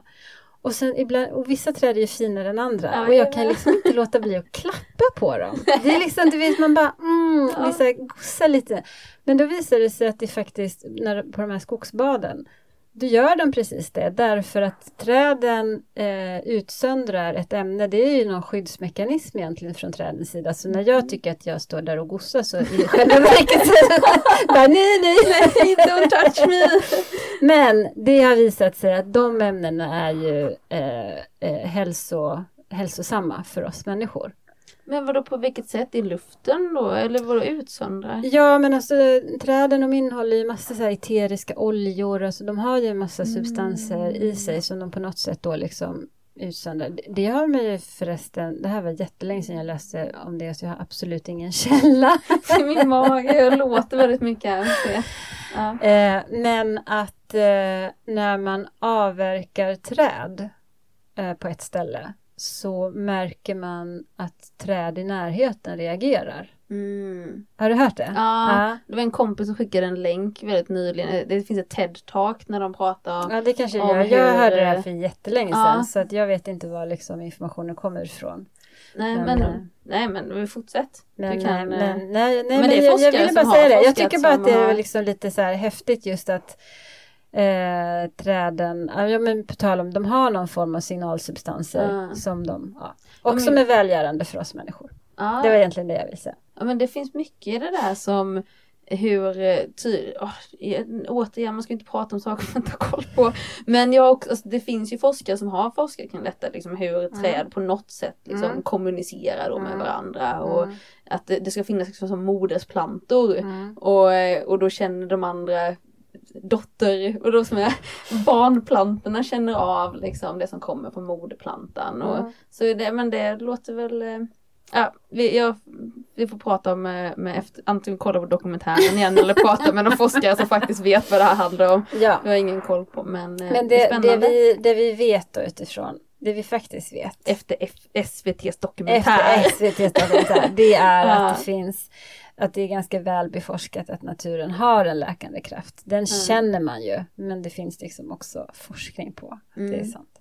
Och det hade även, det läste jag också ganska nyligen, en, det finns något som är liknande som TED Talk, Mm. Big Think. Eh, och eh, där var det, jag läste en artikel om eh, i Skottland så har de börjat att do, doktorerna får skriva ut typ en promenad i naturen Mm. eller de har olika workshops i Mm. naturen som lä- ja, läkarna skriver ut det för Mm. folk som har depressioner och Precis. sånt här för Ja, att absolut. komma igång. Så Mm. då det är ju också liksom, det är från, från sjukvården då Mm, den, den kommer. Och det känns ju också rimligt. Att man bara ska ta sig ut från huset eller en sån enkel sak, känna lite frisk luft Mm. och inte liksom den instängda som det blir till exempel när man sitter och gör en podcast i garderob. Fast jag tycker inte det är så instängt här. Nej men jag jag öppnade känner- lite där så det kom ju lite Ja. luft. Ja, så ja men det var ju en väldigt fin walk-in closet här som Ja. blev en väldigt bra poddstudio. Ja, på tal om Ja. så här, kunna använda saker till oli- en sak till flera olika grejer. Ja, precis, precis. Nu band du ihop det Ja, snyggt. men visst. Ja. Du får också starta en podcast. Ja. Ja. ja, nej, nej, nej, absolut inte. inte ett projekt till. Nej, det till. Ja, du har lite musikprojekt Mm. och sådär. Mm. Ja. Nu tappade vi tråden. Ja, men vi vi? pratade om att, eh, att vara ute att så, olika turer har olika syften och att Just för mig, det. det. behöver inte bara att, handla om att gå utan för mig är liksom att vara i naturen, det är liksom också en, en viktig grej. men eh, om vi ska gå tillbaka lite, prata lite mer om Sverigevandringen då. Så Ja. som sagt var, jag har ju då bara kommit till Huskvarna efter två år och tre etapper. Men eh, nästa sommar då så planerar jag att eh, gå runt eh, södra Vättern och fortsätta. Sen kommer det bli ganska liksom raka vägen. Eh, jag kommer gå Bergslagsleden upp. Och det är väl ungefär så långt jag kommer hinna nästa sommar. Sen sommaren därpå så hoppas jag att jag ska ta mig till Grövelsjön. Och sommaren därpå så hoppas jag om allting liksom stämmer i livet så att jag kan vara eh, ledig, sammanhängande ledig, att jag ska gå sträckan från Grövelsjön till Treriksröset som är liksom en officiell sträcka som heter Gröna bandet om man går den på bar, under barmarkssäsong och Vita bandet om man går eller skidar på under vintern. Ja, är det något som du vill också? Att skida? Eller du vill bara Nej, gå? nej, utan det, det kommer bli sommarprojekt och det blir då Gröna Mm. bandet för min del. Och egentligen så jag skiter egentligen i det där bandet om jag ska vara helt ärlig. Men, men, eh, men, men däremot så liksom ger det mig en, en, en anledning att verkligen ta, för det är beroende lite grann på hur man går, man lägger upp sin sträcka själv, men man ska gå mellan de här två punkterna och man ska gå väster om ett antal punkter för så att man liksom går i fjällkedjan. Eh, och man får inte ta hjälp utifrån. Man får skicka postlådor till sig själv och man får handla längs med vägen och blir man bjuden på fika så får man säga ja eller då ska man säga ja. Men vänta nu, alltså va? Nu, nu hängde inte jag med. Nej. Alltså detta är liksom en... En här officiell eh, utmärkelse eller vad man ska säga. Okej, då är jag med. Ja, som, Alltså, som har liksom ah. fastställda regler som inte jag sitter och hittar på utan Nej. som är liksom så här. Och om man klarar det här, man ska ha någon sån här GPS-sändare också för att man faktiskt så ska kunna, dels är det ju ur säkerhets eh, eh, då. Men också tror jag att det är lite så här för att kontrollera att man faktiskt har gått liksom, Ah. rätt sträcka. Jag vet inte om det är Nej. kontroll, men lite. Ja, vi måste ju storebroa det lite. Ja, liksom. lite. Man kan inte lita fullt på att folk faktiskt... precis. Ja. Och det är ju, alltså det här, jag vet inte hur länge, det är inte jättelänge det här, liksom den här sträckan har varit, den här officiella gröna vita bandet. Ja.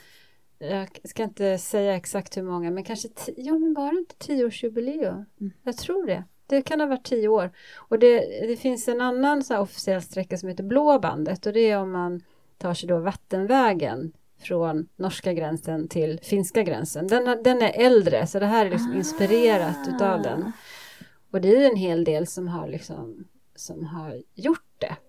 Så det är inte något på något sätt så här. Men det, nu, det, jag skulle säga att det är inte på något sätt så här unikt eller märkvärdigt. Men det här är också liksom intressant när man hänger i att man liksom får ehm, att allting är relativt. Och när man hänger då med andra knasbollar som gillar att gå och gå långt, då blir liksom allting så här, men det är ju helt normalt och alla gör ju det. Alltså Ja. min känsla är så här, men herregud, gröna bandet, den, den är väl, det går väl alla. Men, Så, men så är det, gemene men man det gör är ju inte riktigt så. det. De flesta vet ju faktiskt inte ens vad det är. Nej, där har du en. Nu vet jag. Nu, kan, nu vet Ja. alla som lyssnar på det här vad Nej. det är för någonting. Men så ser liksom mina liksom, planer ut för det här projektet då. Och det- Målet är att lägga handen på, vad är det vid Treriksröset? Ja, det är en gul Mm. betongklump där. Och Treriksröset, för de som inte vet då, är ju där eh, de tre rikena Sverige, Norge och Finland möts. Eh, och det kommer ju, tänker jag ju, jag skrev ju lite om det i somras faktiskt, för att eh, jag förbereder mig ju redan nu på att det kommer vara lite Ja, det är lite svårt att veta vad jag ska förbereda mig på, men jag känner nog att det kommer nog inte så odelad glädje.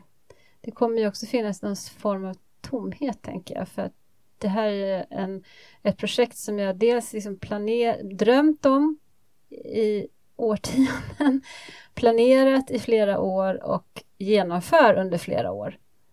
Ehm, mm, så jag vet inte vad som händer riktigt. Måste du veta det? Eller? Nej, men däremot så tänker jag att det, kan, att det är bra att förbereda sig på att det kanske inte är som man tror. Att det liksom, och det är ju inte alls ovanligt och det kan jag känna bara efter mina etapper att man får det som kallas för post-hike blues. Okej, förklara. Alltså det här är en, en superallvarlig åkomma och jag bara skarvar.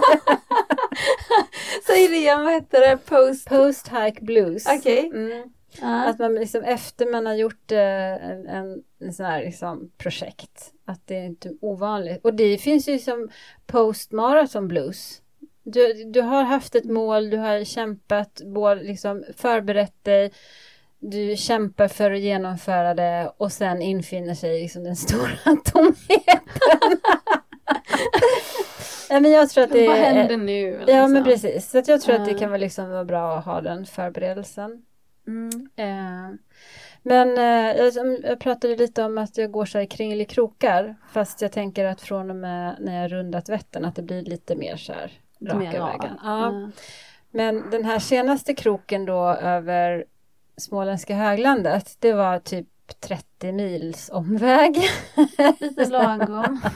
Fast när jag började planera då för jag, det, när jag planerade det här projektet när det, och inte det andra projektet då bestämde jag mig för att jag, det andra. Alltså det här eh, Lotta-projektet. ah, ja, ja, ja. eh, då bestämde jag att nu, ska jag, nu blir det vandringsleder. Alltså i möjligaste mån så ska jag gå längs med vandringsleder. Så jag började i Smygehuk och gick till Ystad. Där var det ingen vandringsled men där kunde jag gå längs med havet liksom. Så det var ju ganska trevligt ändå. Och sen så gick, har jag gått eh, Skåneleden. Det är lite olika. Skåneleden består av fem olika delleder och jag har då gått på fyra av dem. Eh, men inte hela då, men eh, delar av dem. Och sen har jag gått en del på Hallandsleden och sen så vek jag av då till det som är Smålandsleden som egentligen består av lite olika leder. Det är Gisslavedsleden, det är Järnbärarleden, Höglandsleden, Anebyleden, Holavedsleden och John Bauerleden och lite grann på Södra Vätternleden blev Mm. det i sommar då. Eh, och, och, och som sagt, när, jag, när jag började planera då var det liksom det var så jag hittade sammanhängande vandringsleder. Det blev liksom den här kroken över Småländska höglandet. Sen så av en slump så hittade jag någon, någon sån här pilgrimsled som gick från, ja nu kommer jag inte ihåg, men det var liksom en som skulle liksom innebära att jag kunde gå lite mer raka vägen och, och då spara in den här liksom slingan över Höglandsleden på 30 mil.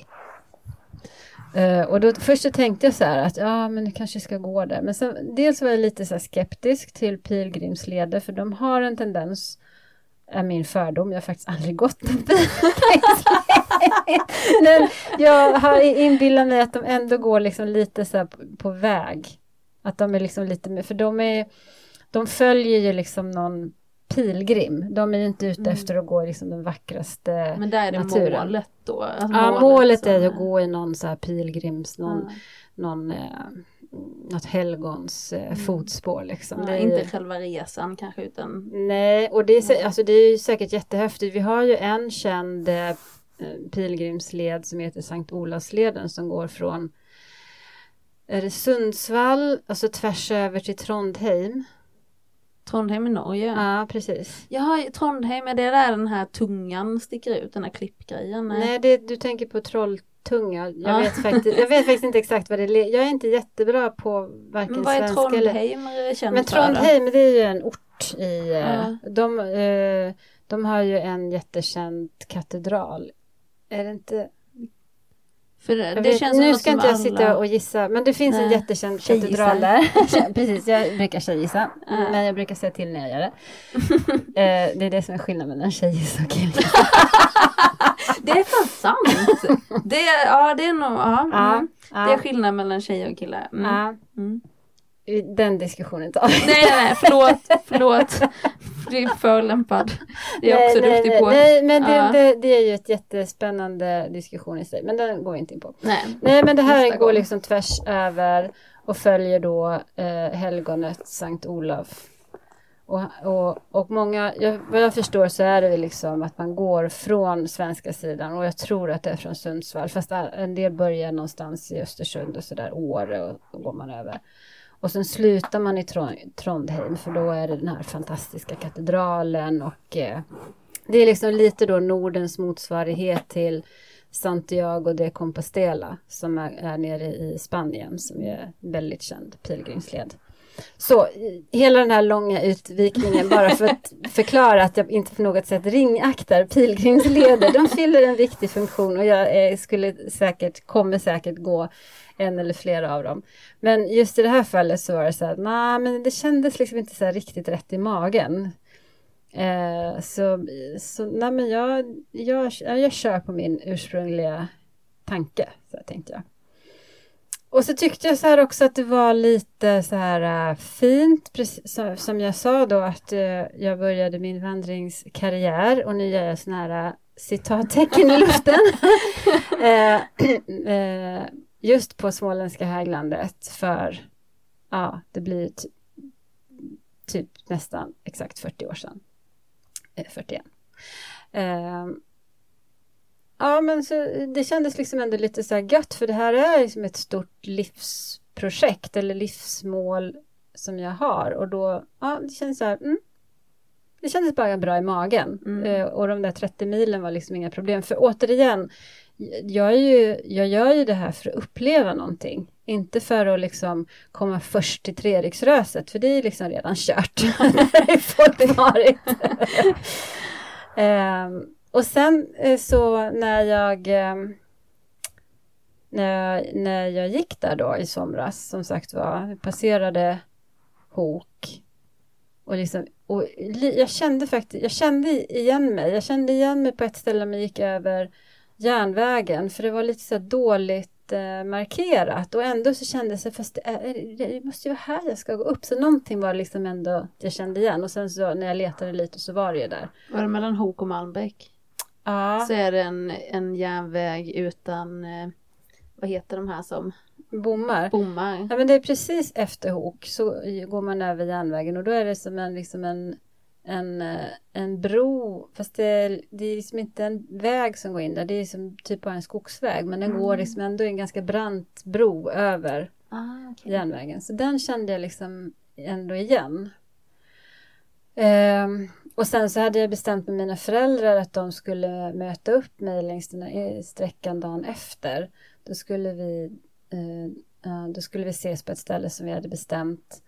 För de bor kvar nere i Småland och eh, de skulle komma med, jag hade så beställt jordgubbar med mjölk och det kommer jag ihåg för det fick vi av min mormor och morfar då när jag var fyra.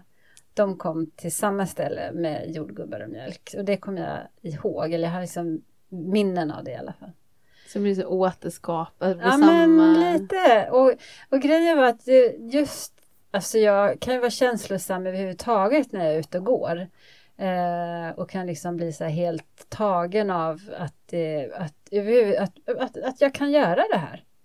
Och liksom att min kropp går med på det, att min familj, jag ska inte säga tillåter för det handlar ju inte om det, men liksom ändå att de förstår att det här är viktigt för mig och aldrig liksom gnäller på att jag är iväg och travar i skogen och håller på utan de bara ja mamma är ute i skogen. Jag har ju ganska stora barn men alltså min man skulle kunna tycka så här herregud du håller på. Men nej, ja, det är liksom. Det är liksom- ändå en semester ni hade kunnat spendera tillsammans. Ja, ja det, absolut. Ja. Så, att, eh, så jag känner mig liksom ändå privilegierad på många sätt att jag får göra det här. Och det kan ju bli så här. Ja, så det händer att jag går och grinar för mig själv. Eh, men just den här sträckan blev liksom, jag var inte riktigt beredd på att det skulle vara så jag har liksom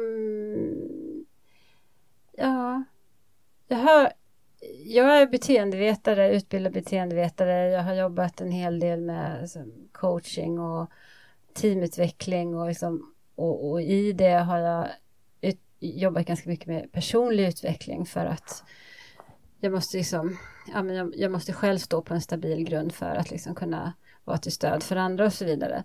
Eh, och det var någonting liksom i, i det här eh, som jag liksom någonstans har jobbat väldigt mycket med mig själv ibland så kan du, pratar man om att man, man vi har alla en ryggsäck, en, liksom en och nu pratar jag inte liksom om den här lättviktsryggsäcken. en ganska från, tung ryggsäck. från Sierra Designs. Utan nej, nu är det liksom den här som vi alla konkar med oss. Och, mm. Eh, och ibland så behöver man så utvärdera vad det är man bär med sig. Och ibland så inser man att man bär med sig en massa skit. De här liksom extra kilorna som man inte har någon användning för och behöver kasta bort. Men mm. ibland när man gräver i den där ryggsäcken så upptäcker man också saker som att men den här grejen har jag ju med mig. Det har jag liksom glömt bort. Mm. Den har jag liksom lite nytta av. Och lite så här utan att liksom bli för personlig och gå in för mycket på liksom vad jag har rotat i i, i min ryggsäck. Så det, det var lite det det handlar om. Och just det här att återknyta mm, För jag är liksom Jag är 45, snart 46 och den här lilla tjejen som gick där då för 40 år sedan drygt Hon är ju jag men men eh, jag var ju inte hon. Jag lyssnade på ett, eh, ett, en podd när de intervjuade Bodil eh, Jönsson som har skrivit Tio tankar om tid. Känner du till den? Nej men du berättade om den sist. Ah. För efter den här ah. vandringens träffade, du bjöd mig till en gratisfestival där. Ja. Och där berättade du om den. Ja, för nu har hon kommit med en uppföljare och då, med anledning av det så blev hon intervjuad. Och då, skrev, eh, då, då pratade hon just om det här liksom att eh, när man är ung så bär man liksom bara ett fåtal åldrar med sig. Är man liksom 18 då har man liksom bara fyraåringen och tioåringen och, och sådär. Men när man som hon då, jag, jag tror hon sa 80, kan hon, jag vet inte om hon kan vara mm. det, men då har man, bär man ju liksom alla sina, alltså 80-åriga Bodil då menar hon, vet ju vem 18-åriga Bodil är. Men 18-åriga Bodil kände ju inte den, det är där man mm. har liksom som en fördel med att bli äldre en del kallar det liksom erfarenhet. Men jag tycker att det var mm. så liksom fint beskrivet just att man bär sina åldrar med sig. Mm. Och lite så var det liksom det som hände där när jag gick eh, när sträckan mellan Hok och, och eh, Lövhult. Va? Lövhult mm. utanför Nässjö. Ja. Att eh, jag återknöt liksom bekantskapen och, och det som var som överrumplade mig. Det var liksom inte riktigt att det var inte jag, så den kloka 40 plus kvinnan som på något sätt liksom, utan det var den här lilla tjejen. Hon hade mig, någonting att säga mig. Och det var just liksom någonting som jag faktiskt har burit med mig i min ryggsäck hela tiden. Mm. Men som har hamnat liksom längst ner under allt skit som jag inte behöver. Mm. Och hon liksom påminde mig om det. Och jag, jag vet vad hon påminner mig om, men det är min, det är något mm. mellan henne och mig. Ja. Shit, ja men det är jättefint. Ja. Det är ju som, ja man vet ju man vet ju inte vem man är. Nej. Man vet ju inte vad man vet om ett år bara. Nej. Eller imorgon. Man kanske, det kanske är något som händer imorgon som man... Eh, ja, det är... Ja. Och så Bodil Jönsson. Ja. Bodil Jönsson. Tio tankar om tid. Den, den kom för ett antal år sedan och nu har hon kommit med en uppföljare som jag inte har läst men jag... Ja, hon är en klok kvinna. Hon är, hon liksom gör något, hon är professor i någonting väldigt eh, an, annat. något väldigt duktigt. ja, men, precis. Ja. Mm. Okay. ja, men då får man eh, kolla upp det någon gång. Mm. Ja, då har vi gått igenom väldigt mycket i din vandring. Mm. Jättespännande. Ja, men jag kände ju det när jag träffade dig där på en gång. Eh, för du frågade tror jag så här, men vad gör du då eller någonting? Mm. Jag bara, men jag vill starta en podcast så här och så vill jag prata med människor, typ dig. vill du vara med? Ja, ja det vill jag. men det var ju så roligt, det måste, ja. det måste jag liksom ändå beröra när vi träffades. Ja. Eh, för att, eh, och det, för det kan ju också vara så här att när man är ute för sig själv, man vet ju inte om man vill ha sällskap. Det, för så där kunde jag känna när jag liksom hade sett ut att jag skulle övernatta vid något vindskydd. Så här, hoppas jag på att det ska vara någon där eller hoppas jag inte? Eh, och när du susade in där, alltså du ger ju, du verkligen liksom så här, susade in där. Jag, alltså jag kommer så väl ihåg. För det är så här, du kastar av dig din ryggsäck och du, ja men det är så här, och först så kände jag så här, Du är inte den första som säger så som träffar mig. och, men, men, sen, men det gick så, alltså det gick så him- för, från att vara så lite så här skeptisk bara, nej men eh, vill jag vara lite så här för mig själv, Mm. till att liksom bara så här, men nej, vi började snacka jätte Ja. och bara liksom, det kändes så, så himla naturligt och så himla mysigt och jag är så glad att du kom in Susanne det där. Ja, men jag med. Men jag kommer ihåg att jag kom, anledningen till att jag kom så insusandes var för att jag var så glad att det var en sjö. Ja. För jag, jag är ju inte som du och har en karta som jag tittar på så jag visste ju inte ifall det skulle komma en, jag visste ju inte att det skulle komma ett vindskydd till exempel. Så tro, eller visste jag det? Jo det visste jag nog. Jag visste att det fanns ett vindskydd visste jag. Ja, Eh, men jag visste inte att det fanns en sjö.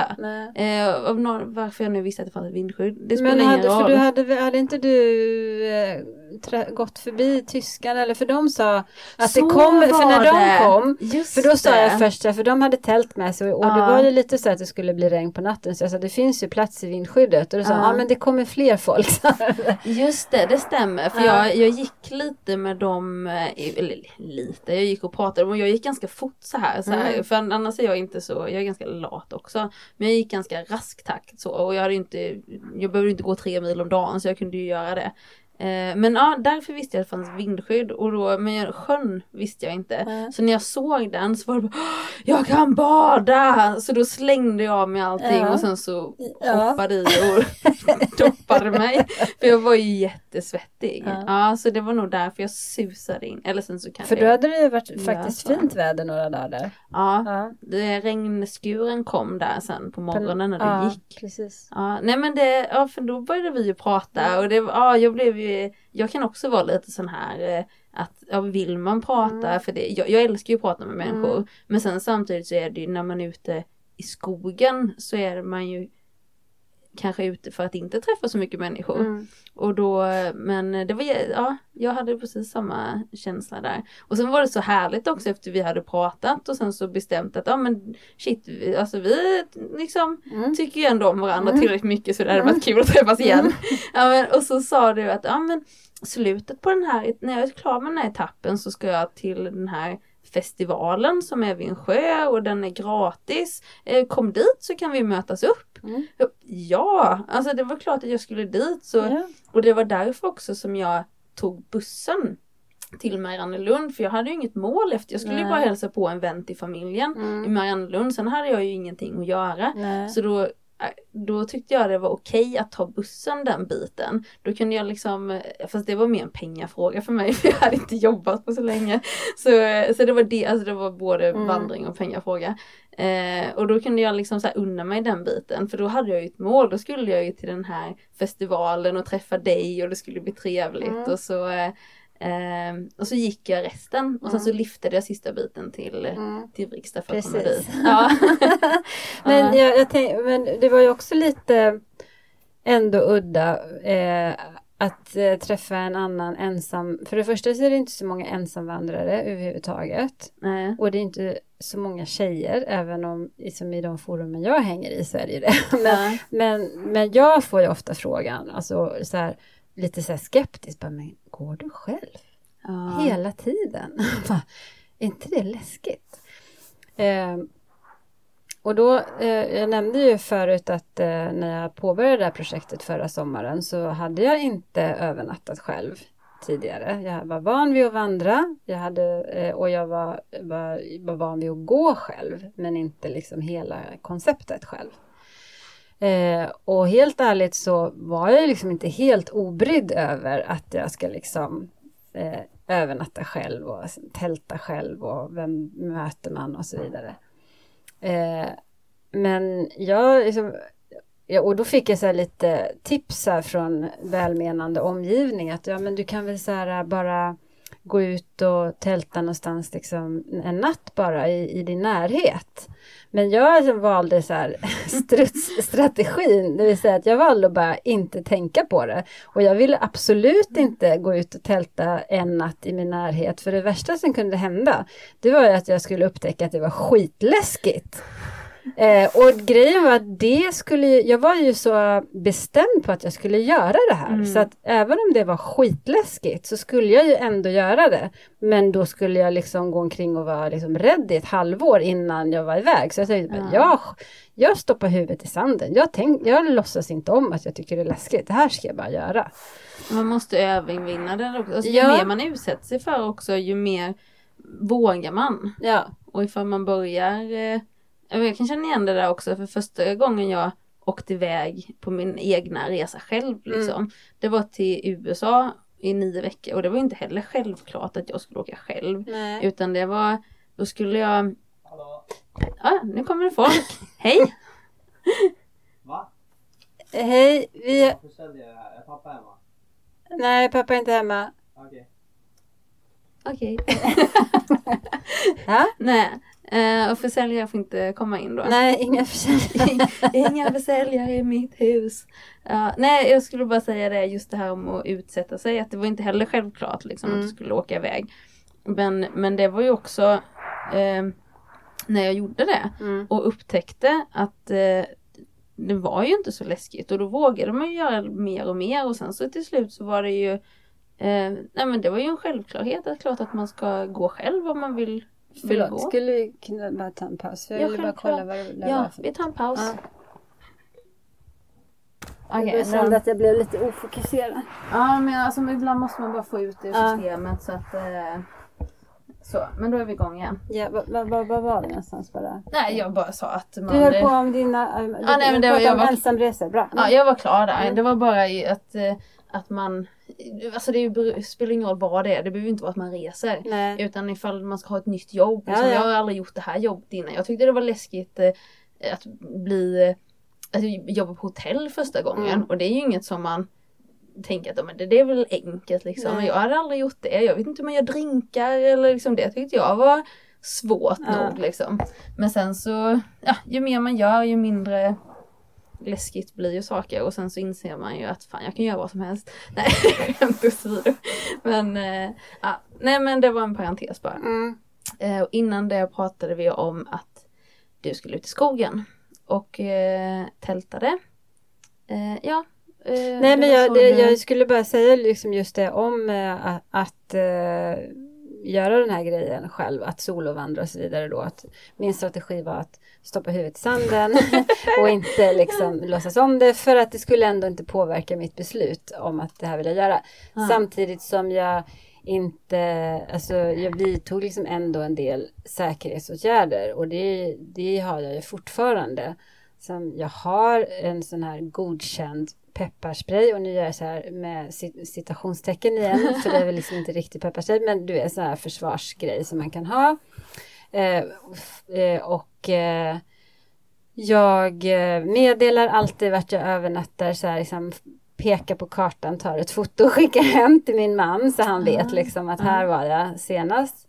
Och ibland så här när, när jag får en olustig känsla, ibland kan det vara liksom någon myskobil som står parkerad i skogen. Då tar jag ett foto på regnumret, skickar till min man, säger bara den här bilen stod i skogen. Bara Mm. så, för det är liksom så sådana här små grejer som ändå gör så här att, för jag vill ju jag, jag går inte omkring och är rädd men jag vill ju heller inte utsätta mig själv för liksom onödiga risker. Mm.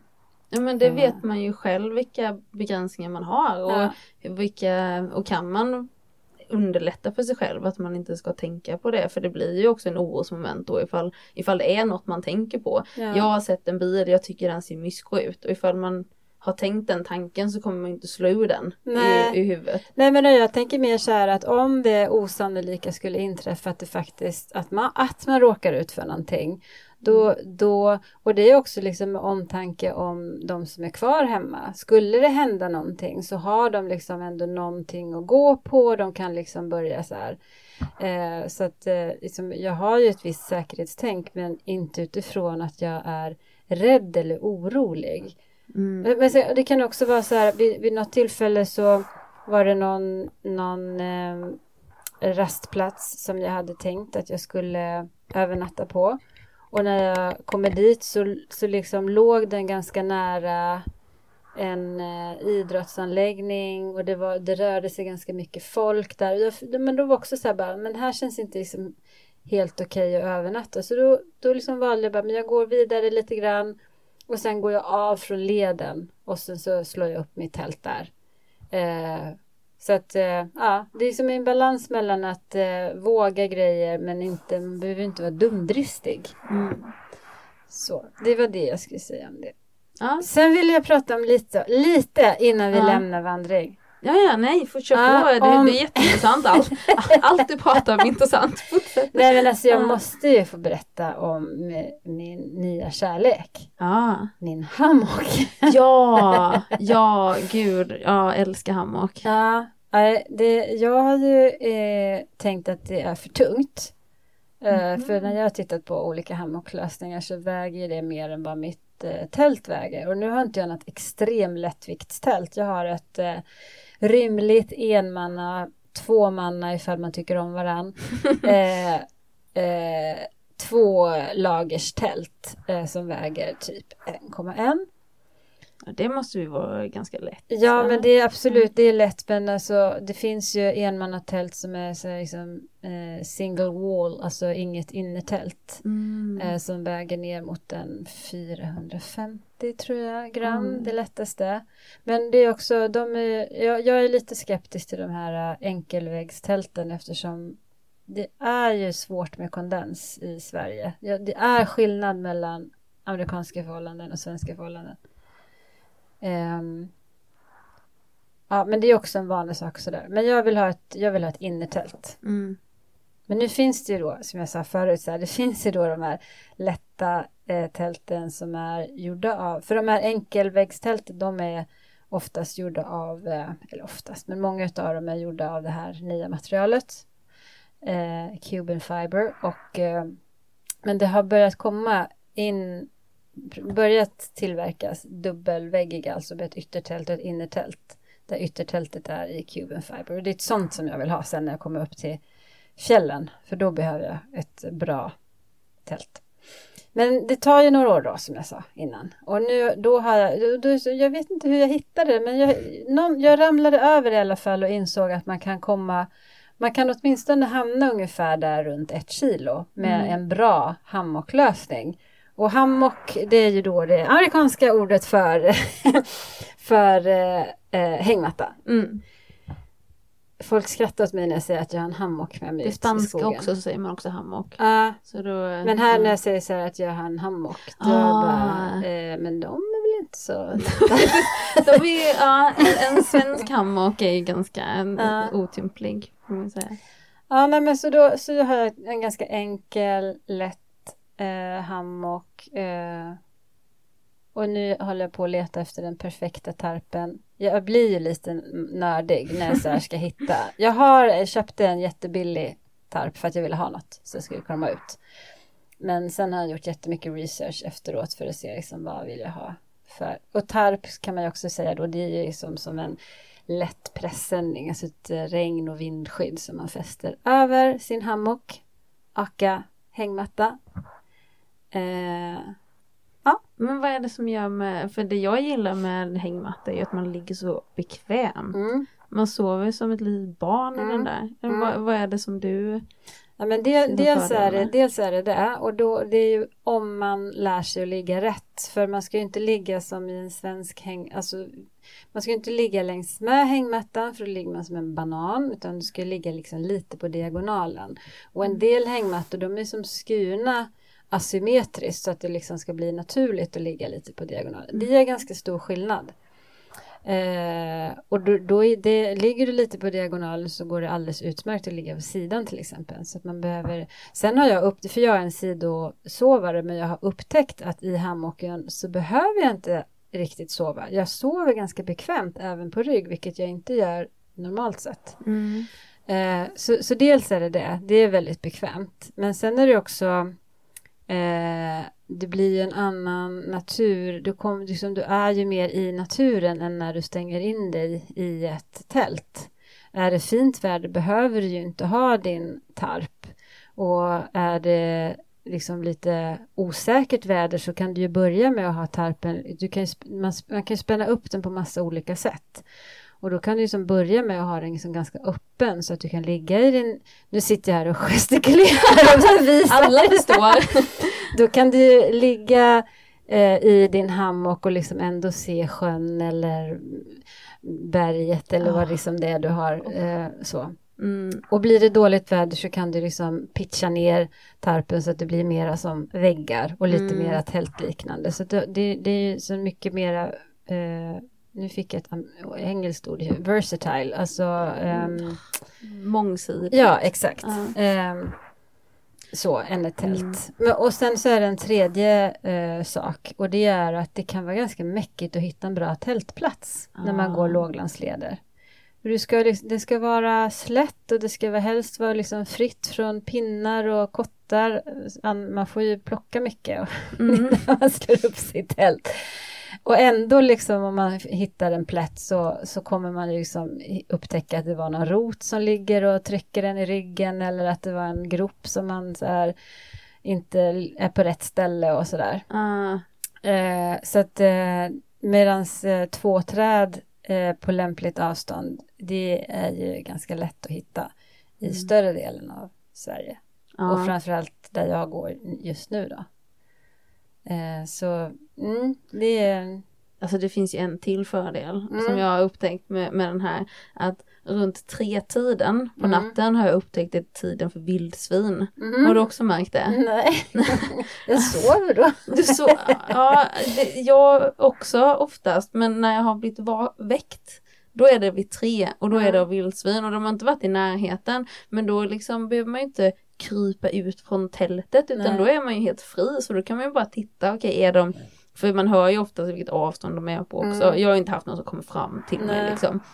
Men eh, det känns, för mig så känns det lite tryggare för att är jag i tält så kan jag känna mig lite så här lite instängd. Mm. Men är man in, i en hängmatta eller hammock så här då kan man liksom bara titta upp och så ser man direkt och eh, ja det var ju min lilla fördel i alla fall. Mm. Och sen så kör jag nog köttbullevarianten när jag sover. Jag sitter, ligger liksom ihopkurad och det tycker jag är jättebekvämt i, i hängmattan. Mm. Men ja.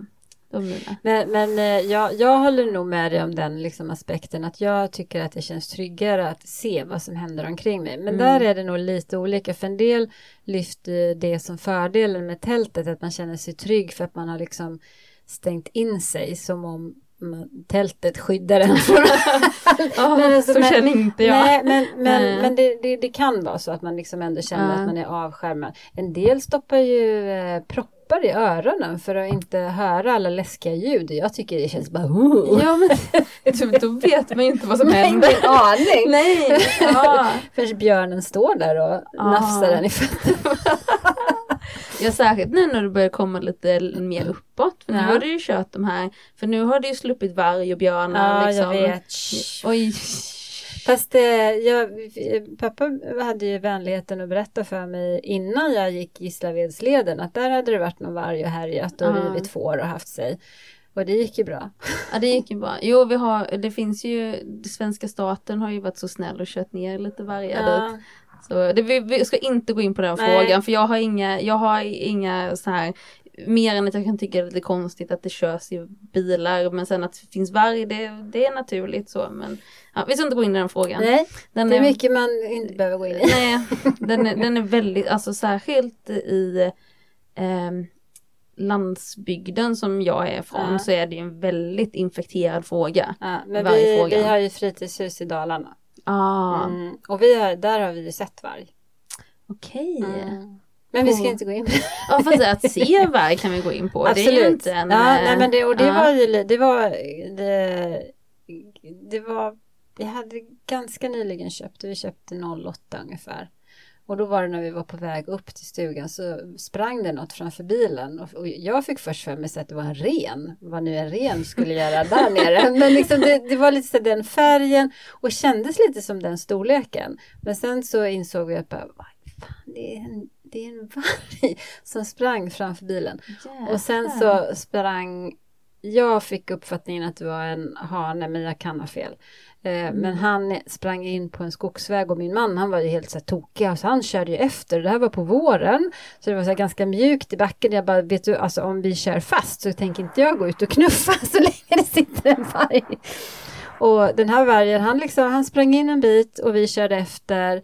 Och så satte han sig bara där, på en, precis jämte eh, den här skogsvägen. Och så tittade han på oss och vi tittade på honom. Och, och så la han sig ner lite så här lojt. Och så, han, var, han var orädd för oss. Och till slut så vevade min man ner eh, vindrutan och började så här yla. Och då sätter sig den här vargen och också börjar yla. Nej, shit vad Eh, häftigt. Men då sa vi lite så bara, åh shit, han ylar på sina kompisar, nu drar vi. så, så vi åkte därifrån och vargen var kvar där. Ah. Eh, så att, och det är ju en av problemen med, alltså vi har ju inte haft några vargtillbud varg människa. Varghund är ju tyvärr, det händer ju.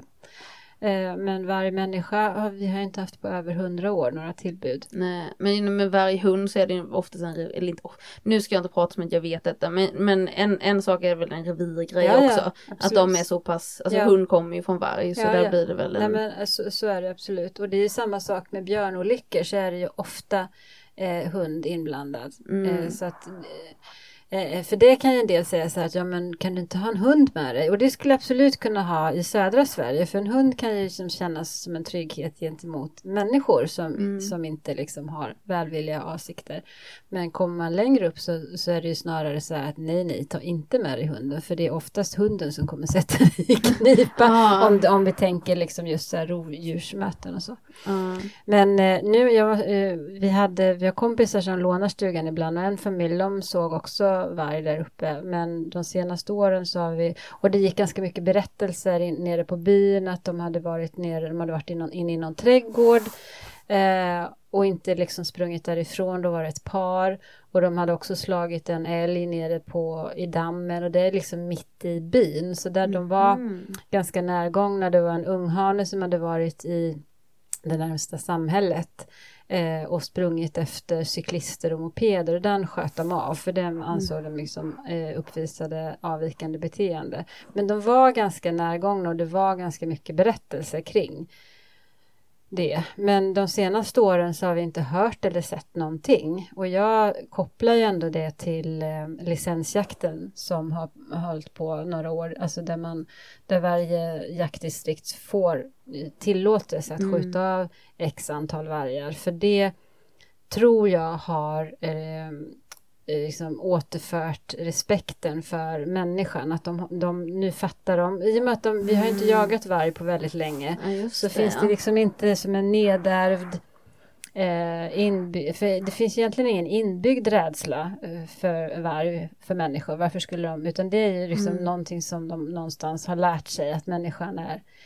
eh, Den kan skada oss. farlig. Ja. Men den, den nedärvda kunskapen har ju försvunnit nu då så att de har ju blivit mer och mer närgångna. Så Mm. jag, nu skulle vi inte gå in på det men personligen så tycker jag att licens, licensjakten är motiverad och tycker Ja. också att den har gett eh, eh, önskad effekt. Ja men det känns ju rimligt just alltså att eh, finns det ingen naturlig fiende Nej. så det är klart att det skapar en, en kanske lite överlägsenhetskänsla hos, hos den, om det så är människor eller om det är djur Ja. eller Och liksom, framförallt så har de ju varit nyfikna. Återigen, det har inte varit några tillbud men det har varit vargar som har varit inne i bebyggelse Ja. och varit nyfikna. Och det är ändå rovdjur. Det räcker ju liksom med att någon blir rädd, vänder ryggen om och börjar springa så kickar ju liksom jaktinstinkten igång. Mm. Det är ju liksom oundvikligt. Det är ju inte vargens fel. Det är ju... Nej, men det ser man ju på hundar också. Som min, min hund som jag hade, hon eh, var ju, hon hade väldigt lite jaktintresse, en dalmatin. Men när hon såg någonting, då, då liksom, är det, då slår det bara till. Mm. Hon ska ju jaga detta, sen så Mm. kunde hon springa i 50 meter, sen var det precis som hon bara kom på sig själv. Så här, vad gör jag egentligen? Varför gör jag det här? och så liksom kunde hon stanna. Ja. En gång så plockade hon upp en fågel som, eh, bara rent instinktivt, som, eh, den var väl lite skadad så den var eh, längs med vägen så här. Så hon bara plockar upp med munnen och sen tittar hon på mig och så bara, vad, ska jag göra med den här matten? Släpp den! Och så liksom bara öppnar hon upp munnen och bara släppte ner den så här liksom. För instinkten var ju att hon skulle fånga den. Ja. Men sen resten liksom, Nej. för hon behöver ju inte ha någon mat. Hon får ju Nej. mat av mig. Ja. Så den eh, Godare också. Ja, godare med liksom. De behöver inte döda djuret. Så ja men det är nog instinktivt Ja. så äm, finns det. Och nu- gud nu kom, det här är ju sidoämne men ju, det, jag tycker det är lite roligt just med sådana instinkter och hundar. Vi hade en, en hund i familjen också innan som eh, det är väl också något som sitter kvar att man ska spara maten. Mm. Så hon skulle ju alltid gräva ner den på köksgolvet. Och hon kunde ju också ta så här mattan Mm. och dra över Mm. matskålen och liksom krafsa liksom i, i, golvet i köket. Så krafsade hon liksom för att hon skulle gräva ner den. Sen när hon hade gjort sin ritual där då så, ja men nu är det okej att börja äta. Totalt meningslöst. men det skulle göras Ja. liksom. Men det är ju Så- samma sak man kan se att hundar liksom går några varv innan de lägger sig ner. Vilket man tror är liksom nedärvt att man trampar ner liksom, man, man gör sin plats. Man trampar ner gräset och liksom man gör en liten plats där man ska vila. Ah. Och det att det sitter liksom kvar även att man inte behöver det. Ja. Men jag tänkte på det här med liksom rovdjur och eh, liksom i relation till människor. Och nu tjatar jag lite om amerikanska hikers. Ja. Men, men där, där har man ju, där är det ju framförallt björn som är ett problem. Och beroende på var man Eh, var man vandrar någonstans och i vissa områden så måste du bära med dig, bära med dig maten i något som kallas för bear can. Som är, det är liksom en eh, plast, jättestor plastburk som du ska lägga maten i. För att det inte, framförallt för att det inte ska lukta men också för att de liksom inte ska kunna komma åt det. Och sen så hänger, och det här gör ju de flesta även när man inte är i de här specifika björnområdena. Att man liksom hänger upp sin mat i träden en bit ifrån där man sover. Mm. Och det är ju liksom, dels så är det liksom just att du ska inte vänja björnarna vid att förknippa människor med mat för att du vill inte ha dem i närheten. Det är liksom lite samma som vi pratar om att fast i det här fallet då vi, vi skjuter av några vargar för att liksom återinföra respekten så de håller sig undan. Och i det här fallet är det ju då att man inte vill locka till sig dem. Eh, och sen om de ändå skulle liksom känna lukten och komma i närheten så vill det är bättre att de liksom tar maten än att de börjar liksom rafsa, känner lukten av maten inne i ditt tält. Ja. Eh, så jag har faktiskt funderat en del på liksom, varg eh, tror, är liksom, jag är inte så orolig för, men Nej. björn är liksom lite lömskare. Ja den faktiskt. känns mer, Ja. eh, mer rimlig oro. Ja, Ja. Eh, så, så det funderar jag liksom en del kring just det här med, med mat och att man, ja men det, är- det är ju inte en jätte, för det är ju inte bara utifrån liksom att ett farligt rovdjursmöte utan det är även en del och det händer ju även i Sverige att man får, eh, det kommer liksom en skogsmus och känner lukten av någonting och gnager hål på ditt tält eller gnager sig in i din ryggsäck och så här. Det Ah. händer ju, det har Ah. aldrig hänt mig men eh, det har hänt andra. Ja. Eh, så att det kan man ju, det är liksom ett att liksom försöka paketera maten så att den inte luktar och lockar till sig och två att man försöker liksom hänga den eller en bit ifrån och kanske hänga upp den i ett träd och sådär så att den inte är så lättåtkomlig. Mm. Ja men det är jättebra tips. Fast det är ingenting som jag har eh, anammat än men, men lite som, ja just det att när jag kommer längre upp så, så blir det liksom björnrike. Jag ska ju liksom passera hela Ja. där.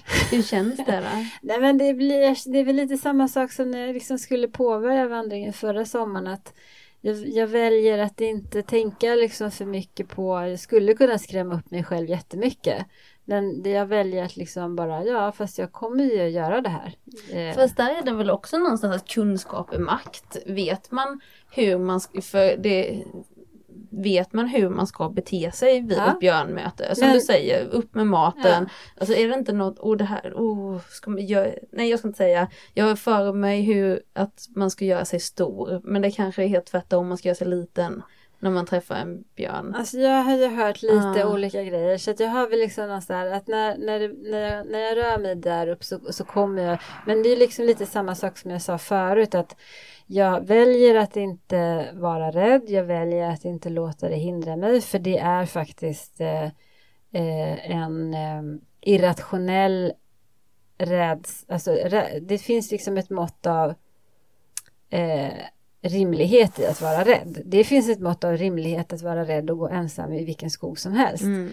Eh, men det är inte så eh, farligt objektivt sett att det är rimligt att låta det hindra en från att göra det man vill. Nej. Men däremot så, så är det väl klokt att vidta de försiktighetsåtgärder som man kan utan att det liksom går till överdrift. Mm. Det är liksom att hitta den där balansen. Så, så ett, jag väljer att inte vara rädd för det är faktiskt, eh, jag tror ju att man faktiskt kan välja ja. vad man, eh, vart man eh, lägger sin uppmärksamhet. Så att eh, Mm. det är klart jag kan känna sting av rädslor men jag liksom väljer att inte bejaka den känslan. Mm. Det är liksom bara okej, det, det var det men det är ingenting som jag kommer ägna min uppmärksamhet åt. Mm. Ja men då är det så man växer med. I, eh, växer i sin uppgift att vandra. Precis. Ja. Coolt. Mm. Får vi se om jag är lika kaxig. Ja men det tror jag. Men sen är det sen är det liksom så här för samtidigt så någonstans så känner man det vore ju oerhört häftigt Precis.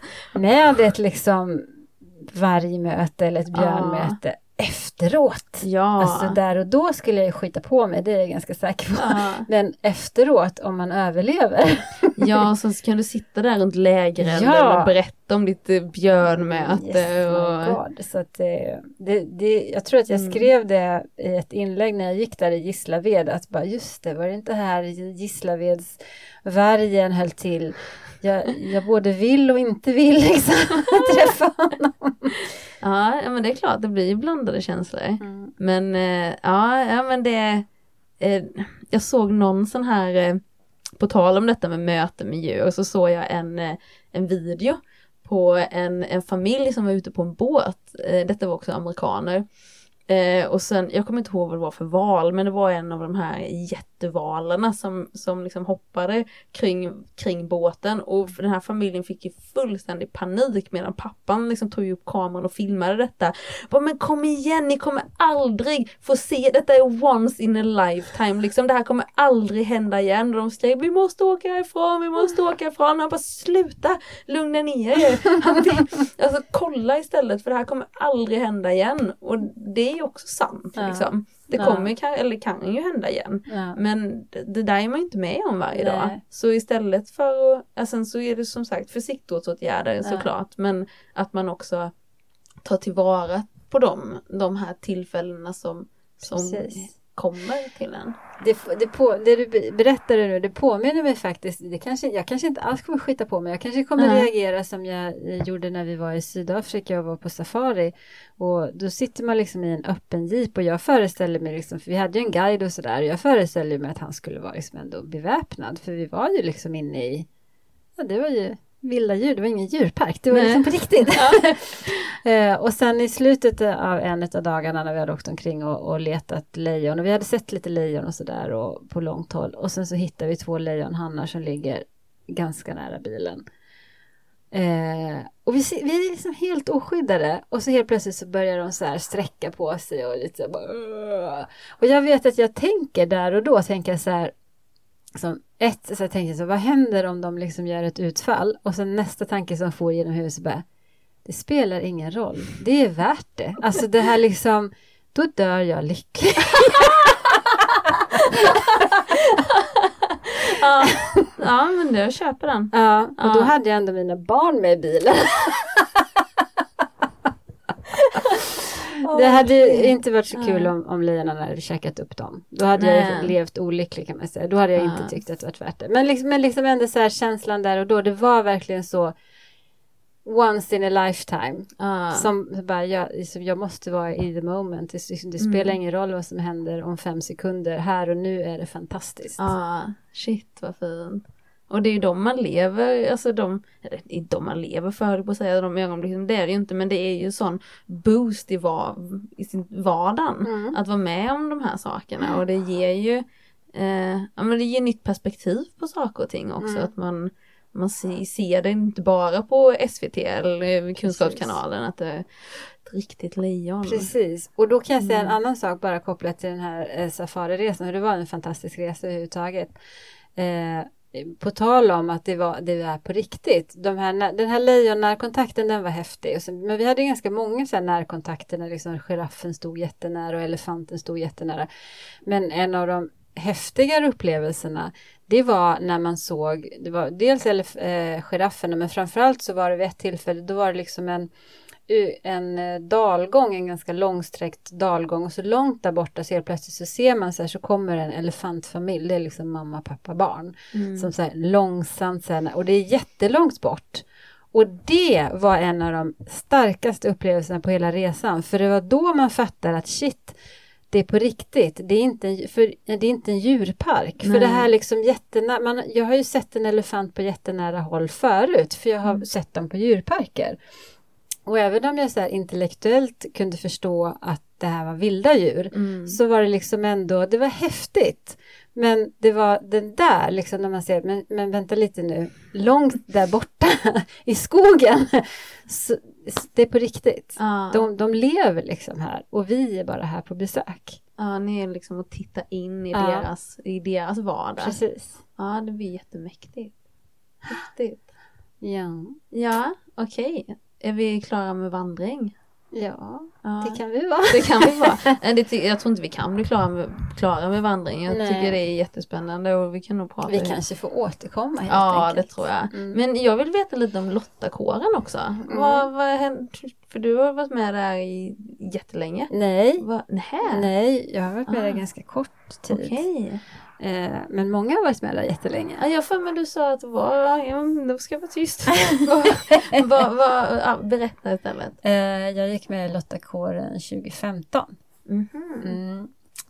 Eh, och eh, det var anledningen till att jag gick med där var egentligen jag haft ett intresse för försvaret, Försvarsmakten. Eh, också liksom lång tid. När jag var 18 och gick gymnasiet så gjorde jag praktik två veckor på kustartilleriet i Karlskrona. Okej. Eh, och eh, det här var då 90, början av 90-talet och man, kvinnor hade börj, jag tror att kvinnor var, kunde eh, bli anställda inom alla försvarsgrenar, alltså flyget, marinen, armén. Mm. Men det var fortfarande andra villkor för kvinnor. Så att efter jag hade gjort den här praktiken så jag mönstrade tillsammans med mina eh, manliga klasskompisar.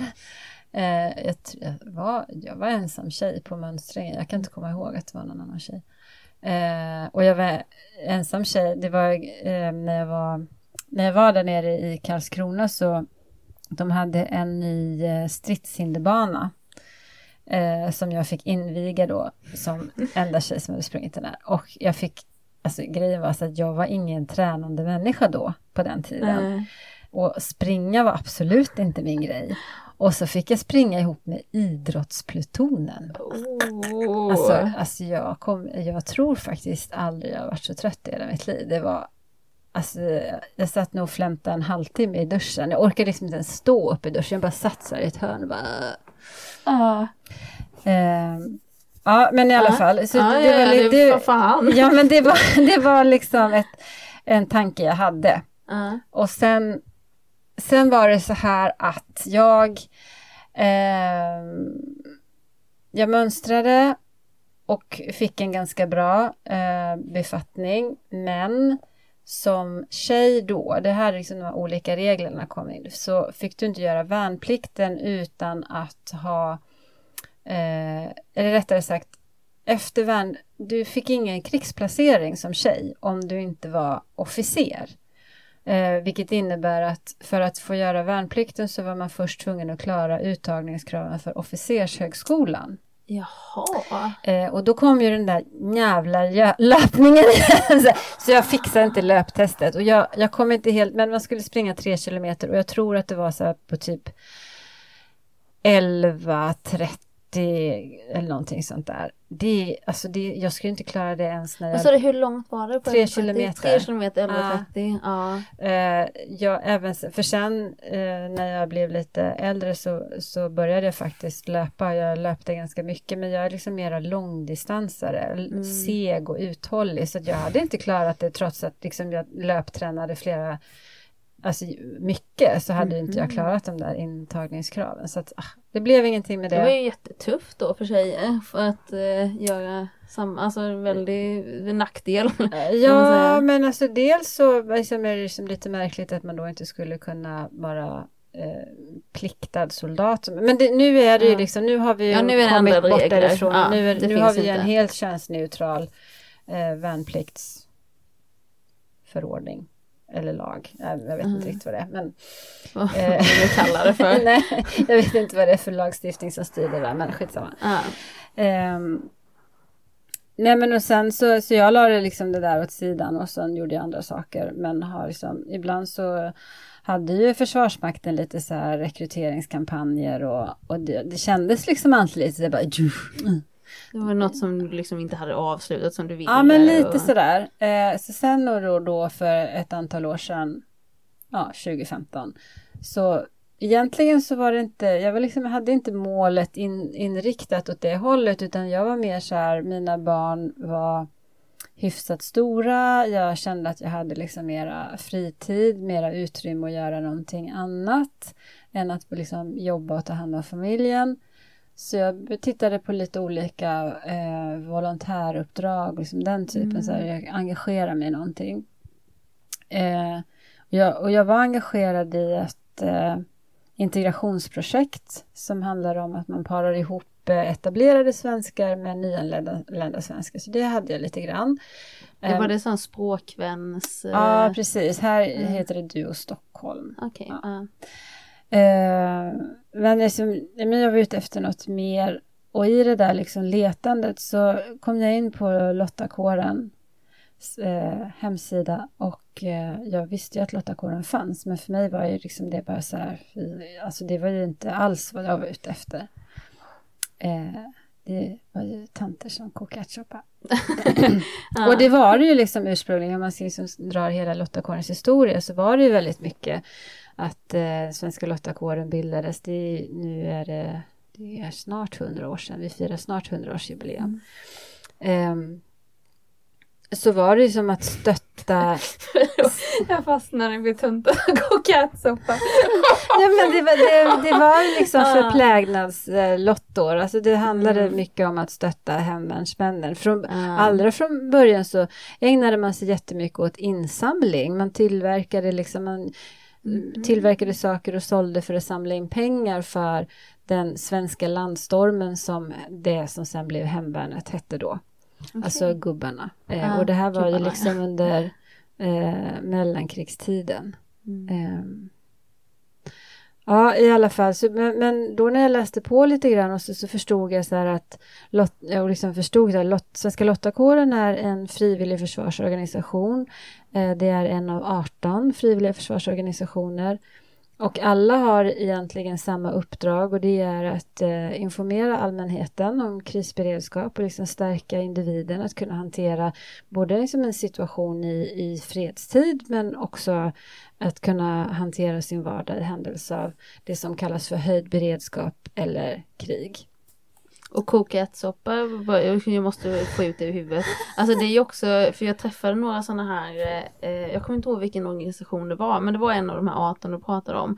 Och de, eh, och de berättade ju att eh, till exempel under det, när branden, när det var så mycket skogsbränder Mm. förra året, då åkte de ju ut och hade fältkök. Mm. Och eh, skulle hjälpa alla brandmän och alla frivilliga Mm. att, eh, så de fick mat. Så det är ju en, alla ni som gör detta är också en viktig Alltså det är Eh. verkligen en, en superviktig del och precis som du säger fältkoken är ju en, en viktig del utav Alltså jag kan hemvärnet, det är liksom Mm. det, där jag har varit verksam. För det som hände var då att jag gick med i Svenska Lottakåren eh, och eh, utbildade mig till stabsassistent eh, för hemvärnet och eh, hade en befattning som stabsassistent i ett eh, insatskompani.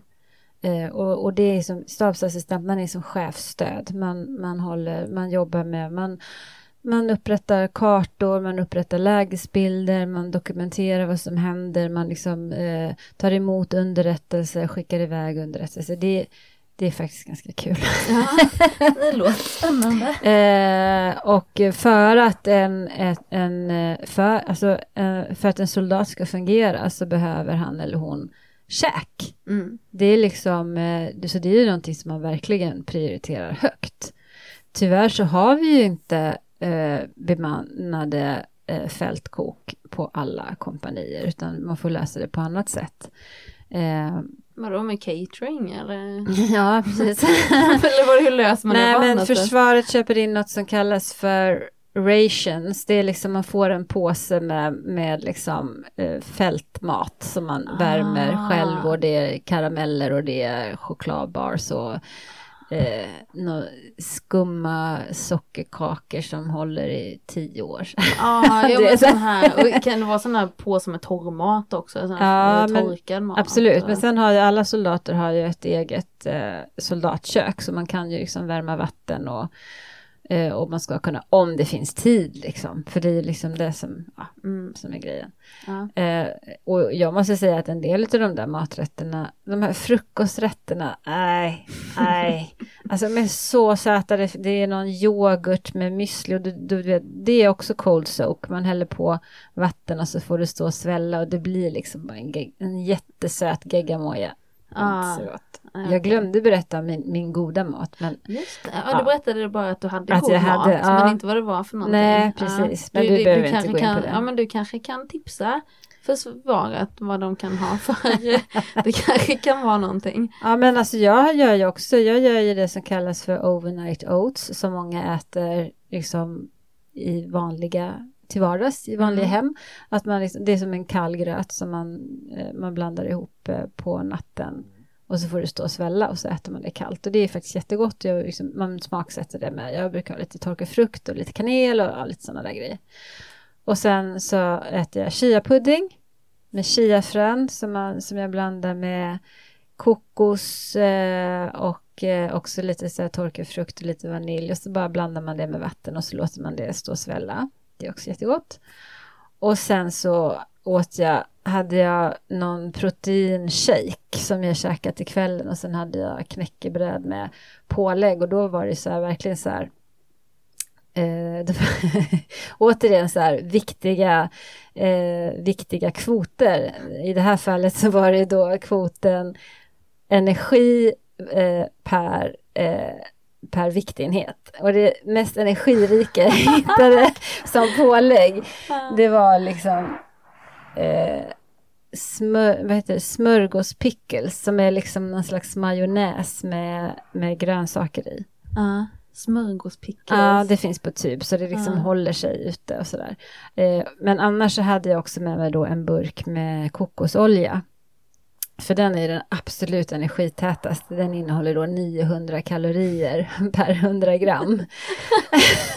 Men, och den pratade ju vi om. Ja, vi. Att, på, där hade vi något som är lite flera användningsområden. För jag hade det ju både då liksom att äta som liksom energitillskott Mm. det låter äckligt men jag tycker faktiskt att det är ganska gott.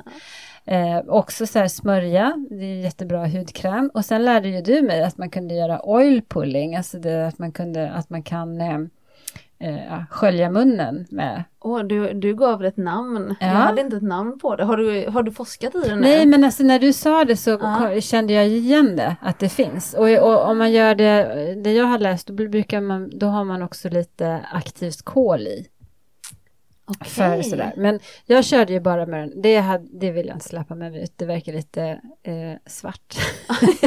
Vad Särskilt om man ska ha det i munnen. Ja, Ja. men, eh, men, jag, men jag körde med den här oljan. Och det är liksom, jag tyckte så att det, det blev liksom fräscht. Ja, ja, men det tycker jag med. Jag kör med den nu istället för liksom, tandkräm Ja. oftast. Eh, eller nej, eller ja, inte nu, men jag har gjort det, det ett tag. För det var en kompis som tipsade om det. Men det är bara att ta lite kokosfett och så kan du bara gnida in så här ifall du skulle behöva någon gång och inte ha varken tandborste eller... Men jag tar, jag, jag tar en, eh, en, eh, klick och sen Mm. liksom silar jag den så mellan tänderna. Mm. Ja men du vet som flår eller vad som helst. Just det. Och sen sväljer jag ju skiten. Ja. För jag vill ju ha i mig näringen. Ja. ja men varför, du har ju det i munnen ändå. Ja, ja men precis. De där, alltså många sådana där grejer som man ser som äckliga, det var ju som du sa, liksom, Mm. när man tänker efter Mm. så är de ju inte så äckliga sen. Nej. Men visst hade du, för det var det jag sa innan det här med vattnet, för du sa något Ja, vatten. men nu vet jag, det var också, det var ju Ja. inte kisstrasan utan det var ju Nej. det här som jag, och det var några amerikanska killar som jag lyssnade på som just gick igenom det här Leave No Trace och de var ju Ah. ganska eh, strikta om man säger så Ja. och verkligen tog med sig allt. Och bland annat så, de hällde ju inte ut diskvattnet. Just För det, det så innehåller det. liksom matrester och sådär. Utan den ena killen var det som berättade. Han, han liksom diskade utan diskmedel då såklart. Men liksom Mm. tog vatten och körde runt och liksom. Och sen drack han upp det som, som kallas för grey water. Ah. Eh, och det var ju så bara. Men sen helt plötsligt när jag sitter där liksom, för jag hade ju min lilla burk som jag liksom blandade allting i Ja. och skakade. Eh, och sen så sitter jag där liksom och för när jag inte hade liksom tillgång till ett vattendrag då tog jag ju liksom min dricka vatten och hällde i och så skakade liksom för att få bort det värsta. Så bara tittade Mm. jag på det här så bara Ja men fan det är ju bara dricksvatten och, och det som jag precis har ätit. Ja. Och så bara Alltså drack. Ah, ja, du fick dig vätskan och de sista energierna i det Ja, här. ja, liksom. och så liksom ganska smidigt för ofta så, så frukosten så åt jag ju oftast inne i tältet så slapp jag liksom hålla på så här och gå ut och hälla ut någonstans och Ah. ja. Så att nej men alltså man förflyttar ju sina man har ju mycket så här föreställningar om hur saker och ting ska vara och borde vara och sådär. Mm. Och det är ju ganska häftigt när man kan utmana och ändra sig. Ja. Ja men mycket sitter ju, alltså återigen det här man vet bara det man vet Mm. och det är ju också en sån här grej att man, man har ju föreställningar som Mm. du säger liksom, ja men så här ska det vara och Mm. så här har jag alltid gjort men, ja, men varför? Varför gör jag så liksom? Och man, ja, är det någon som kommer en ny försäljare Jag igen? vet inte. Vill du gå och kolla? nej, nu, det var nog bara någon som, nej, vi skiter i det. Det, ingen, det var ingen försäljare. Nej. Eh, vad var vi då? Eh, för det som jag sa, det kan vi, det har ju vi klara med. Vi pratade Mm. om Lottakåren. Om Eh, Lottakåren, Och eh, ja. så pratade vi om eh, vikten av fältkok. Just det, Och ja. Lotta det var för jag avbröt dig liksom, med det här. Ja. Nej men det är Mm. absolut ingen fara. Men då är det så här att de olika frivilliga försvarsorganisationerna de har, de har liksom samma grunduppdrag. Det var att informera allmänheten och sen så sa jag inte resten, nu ska jag göra det nu. Ja. Det är att rekrytera och utbilda till olika typer av eh, uppdrag inom totalförsvaret. Och det kan ju vara både civila myndigheter och eh, Försvarsmakten som behöver stöd. och eh, på försv- i Försvarsmakten så är ju hemvärnet en, liksom, för det, hela hemvärnet bygger ju på frivillighet. Men det är ändå en del av Försvarsmakten och ser man till personalstyrkan så utgör det hälften av vårt nuvarande försvar. Det kan ju komma att ändras nu när vi har infört eh, värnplikten igen, vi får väl se. Eh, men i alla fall, eh, det är alla försvarsorganisationers uppdrag. Men sen har de olika... Förlåt, vad, kommer ändras eventuellt när vä- värnplikten Ja, ändras? men, ja, att eh, hemvärnet just nu utgör till, sett till, person, alltså till personalstyrkan, antalet anställda eller aktiva, Ja.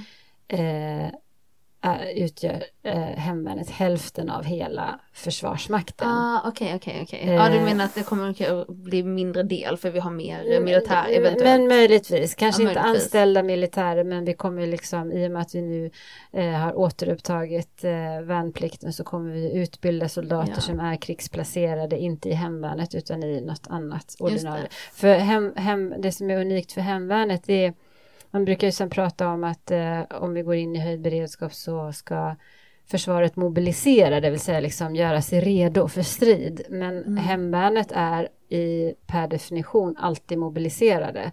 Hemvärnet ska Ah. kunna, om eh, det så beordras, så ska hemvärnet kunna påbörja och lösa sina uppgifter till delar inom bara några timmar och hela förbanden inom, eh, inom ett dygn tror jag att det är. Okej. Så det är ju, en, eh, det är ju liksom det som är styrkan med hemvärnet. Tillsammans med att man, man rekryterar frivilliga människor från närområdet så att man tillhör ju ett eh, förband i närheten där man bor så man har lokalkännedom och inte minst viktigt man har lokalförankring. Mm. För det vet vi att i händelse av någonting för att Försvarsmakten ska kunna fungera och lösa sina uppgifter så behöver man civilbefolkningens stöd. Inte minst liksom mentala stöd, alltså man behöver. Eh, och då tänker man så att hemvärnet har liksom den folkförankringen. Och sen är det Mm. ytterligare en fördel med hemvärnet och det är ju att de här människorna som ingår i de olika hemvärnsförbanden de gör ju helt andra saker till vardags. Eh, med, eh, vilket det som är kunskaper, erfarenheter, kompetenser som de kan ta med sig in när de löser uppgiften. Det är liksom allt från men det är hantverkare och det är IT-ingenjörer och det är försäljare och det är städerskor och det Mm. är lärare och det är så. Ja det är allt liksom, Ja. alla samhällsfunktioner, Absolut. sopgubbar Ja. och svetsare. Precis, och det som är, är roligt är också att det är inte så här att den som är liksom chef i det civila livet alltid är ett befäl i sitt hemvärnsförband utan det kan vara någon helt annan som är. Eh, så att eh, om man väljer, men jag är vanlig, liksom, jag är vanlig, nu gör jag sådana här citattecken igen, eh, skyttesoldat. Eh, För att mm, det kanske är det man, liksom, man, vill, man kanske vill ha, för så var det för mig, att jag vill liksom göra, jag, jag vill ha liksom ett avbrott från det jag gör till vardagen. Det ska vara någonting annat som, liksom, som ger liksom lite variation. Så, Mm. så det, det är då uppdragen för samtliga frivilliga försvarsorganisationer. Och sen har man olika specialområden som man rekryterar och utbildar inom. Och för Svenska Lottakåren då så är det fortfarande förplägnadspersonal, det vill säga fältkockar, de som Mm. gör ärtsoppan. och det kan, ju De vara både, det kan ju vara både tjejer och killar. Mm. Eh, och eh, stabspersonal, stabsassistenter och underrättelseassistenter. Det är de tre befattningarna som Svenska Lottakåren är huvudman för. Sen har du till exempel eh, sjukvårdare behövs ju inom förbanden och då är det, en organisation som heter Försvarsutbildarna som utbildar inom det. Du har Svenska Brukshundsklubben som utbildar hundar och hundförare, jätteviktig Mm. eh, eh, del i, eh, i försvaret. Och sen liksom du har liksom allting, det är fordonsförare och det är eh, signalister och sambandspersonal. Eh, vi har fältartister, Asså. absolut, eh, som är liksom För hålla modet uppe liksom. Ja. Man pratar väldigt mycket om soldatens stridsvärde och det här kommer ju då in alltså mat, en mätt soldat, Ja. en glad soldat. Vi pratar om hygien, att liksom efter eh, vikten, det handlar inte bara om att eh, det är jätteviktigt utifrån liksom att motverka sjukdomar. Eh, historiskt sett så har ju de flesta strida, eller så, inte, inte striden, utan de flesta soldater har ju inte dött i strid utan de dör i fältlägren på grund av sjukdomar. Eh, och, eh, men hygienen har också, har också en moralhöjande faktor och det jag tänker på det när du kom där susandes utanför Eksjö och Ah. liksom en sjö. Ah. Ja, och man känner ju sig som en helt ny människa när man Ja. liksom bara får, och, och det samma gäller ju för liksom en, en eh, soldat och det höjer liksom stridsvärdet. Eh, så alla liksom de här det är liksom inte bara vad du har för vapen eller vad du har liksom, utan du behöver, vara, du behöver fungera som människa Mm. och då är det liksom basic saker som, som, som gäller även för, för en människa i fält. Ja, alltså, jag tänker ju bara på den här, vad heter den filmen med, vad heter den, Ro- Robbie Williams, han som Good morning Vietnam. Ja, det, det är väl hans uppgift där lite Ja. att hålla, liksom Ja. han har en radiokanal. Så det, men de här artisterna, ja, det vill vi inte mer på det, men det var spännande. Ja. Alltså, men jag förstår ju grejen. Ja. För det är ju en viktig del att man ska inte bara, annars blir det ju bara krig eller vad det nu är, om det är brand eller vad det nu är för situation. Det behöver ju inte vara krig. Nej. Eh, ja, okej. Mm. Vad finns det mer? I Lottakåren? Ja, eller du sa det var de tre. Ja men det är ju Mm. som de uppdragen vi har och sen har de olika försvarsorganisationerna då liksom olika inriktning och det här var då eh, fältkock, stabsassistenter, underrättelseassistenter. Det är lottakårens uppdrag Ja. att rekrytera till. Eh, så att, eh, jag har nu eh, klivit av faktiskt mitt hemvärnsuppdrag av lite olika skäl. Ehm, ganska svårt beslut och det, kanske, det är liksom inte ett, kanske ett beslut för all framtid men just nu så fick det bli så. Eh, Men mitt förband är fortfarande mitt förband. Det, så är det, det kommer nog liksom alltid vara tror jag. Mm. För det är ju också grejen att ehm, det blir ju en, en väldigt speciell sammanhållning för att de här övningarna, för när man är, är då eh, kontrakterad, man liksom skriver ju ett avtal att man eh, eh, med, med hemvärnet, att man har den här befattningen. Och i det så ingår att du åtar dig att göra ett antal övningsdygn varje år. Eh, som, som för att uppfylla ditt avtal. Sen är det ofta liksom de flesta, eller inte de flesta kanske, men många lägger ner liksom väldigt mycket tid utöver det. Det är Mm. liksom övningar emellan övningarna och det är planering och de som tjänstgör som befäl, de ska ju liksom ha Ja, men de ska ha personalvård, eller, men det, det är ganska mycket runt omkring så det tar väldigt mycket tid. Mm. Ehm, men ehm, vad skulle jag säga? Ja, jag valde på, på grund av att det tar väldigt mycket tid och jag kände så här, ska jag göra någonting så ska jag göra det ordentligt. Ja. Annars så kän, det känns det inte det, det motiverar mig inte att göra saker halvdant och just nu så hade jag liksom inte riktigt möjligheten att göra det. Men det blir så ibland i Ja, livet. så Mm. numera har jag då inte något hemvärnsavtal men jag är fortfarande aktiv i lottakåren. Eh, och eh, det här första uppdraget, som liksom, första delen av vårt uppdrag som jag nämnde, att eh, informera allmänheten i krisberedskap generellt, det är ju ett jätteviktigt uppdrag. Mm. Så att, och det gör vi, liksom, dels gör vi det genom att rekrytera nya medlemmar och vi an, anordnar kåraftnar med liksom olika, som vi tycker då intressanta, relevanta ämnen.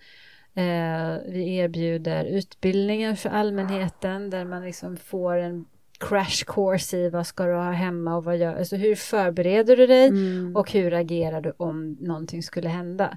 Och som sagt det kan ju liksom vara allt från strömavbrott, eh, översvämningar, pandemier eh, eller en väpnad konflikt. Mm. Jag, jag har ju den, alltså fan, eh, eh, den här folden som skickades ut för Ja. några år sedan, den har jag i min ryggsäck. Ja. ja men främst varför jag ha- har den, det är nog för att jag inte kommer ihåg de här signalerna. Och, då tänk, och den tar ju ingen plats, så den, Nej. den väger nog inte många gram. Jag måste tänka på lättviktspackningen. Fast du jag, kan ju också fotografera av den. Ja men då kan- gäller det att jag har en telefon som Det har är batteri och Det är liksom. Det, Så jag- det, det där var väldigt krismedvetet Ja. tänkt av dig.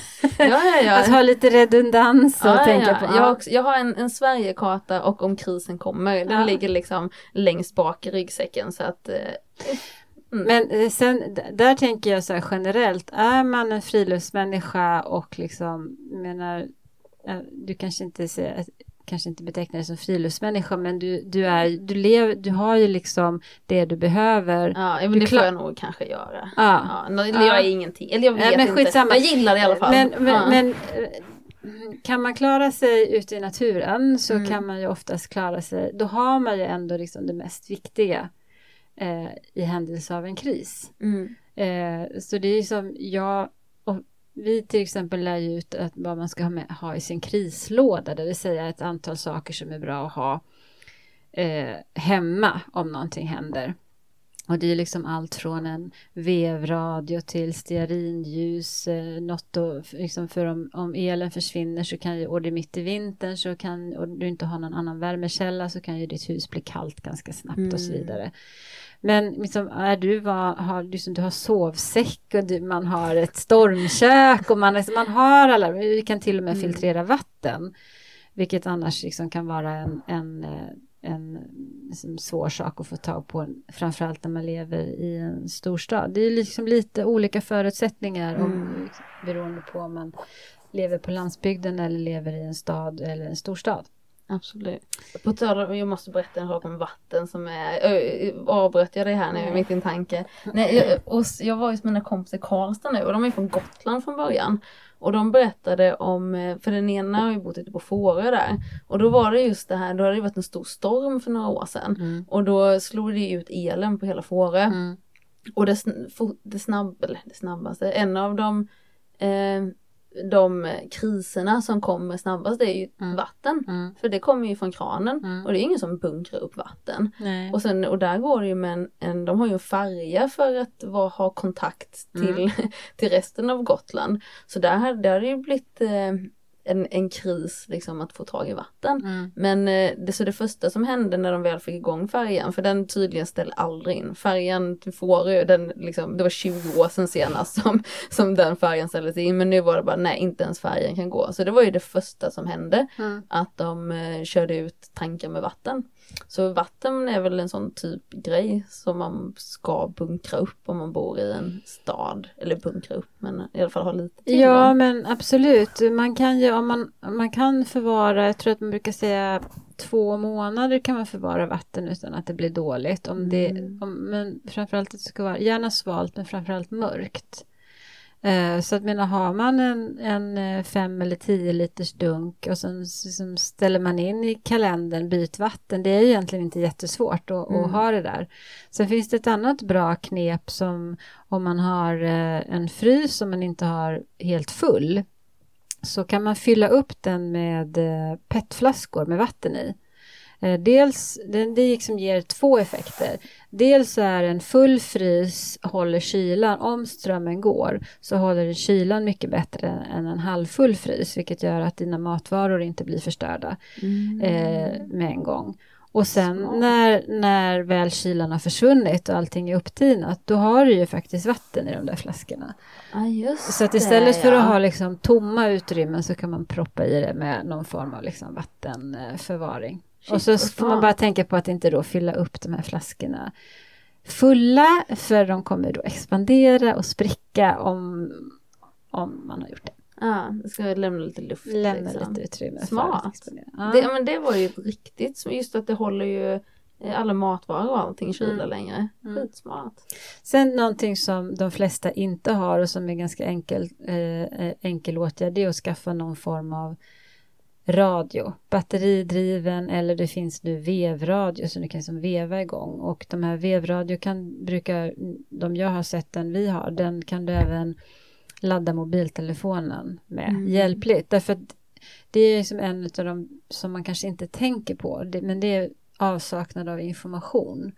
Om, mm, om elnätet går ut och du inte kan ladda din mobiltelefon, mobilnätet kanske till och med ligger nere, då är det liksom via radio som allmänheten får information och då är det lokalradion, P4, som man ska ratta in och lyssna på, för det är där man får den informationen som gäller för just mig då. Mm.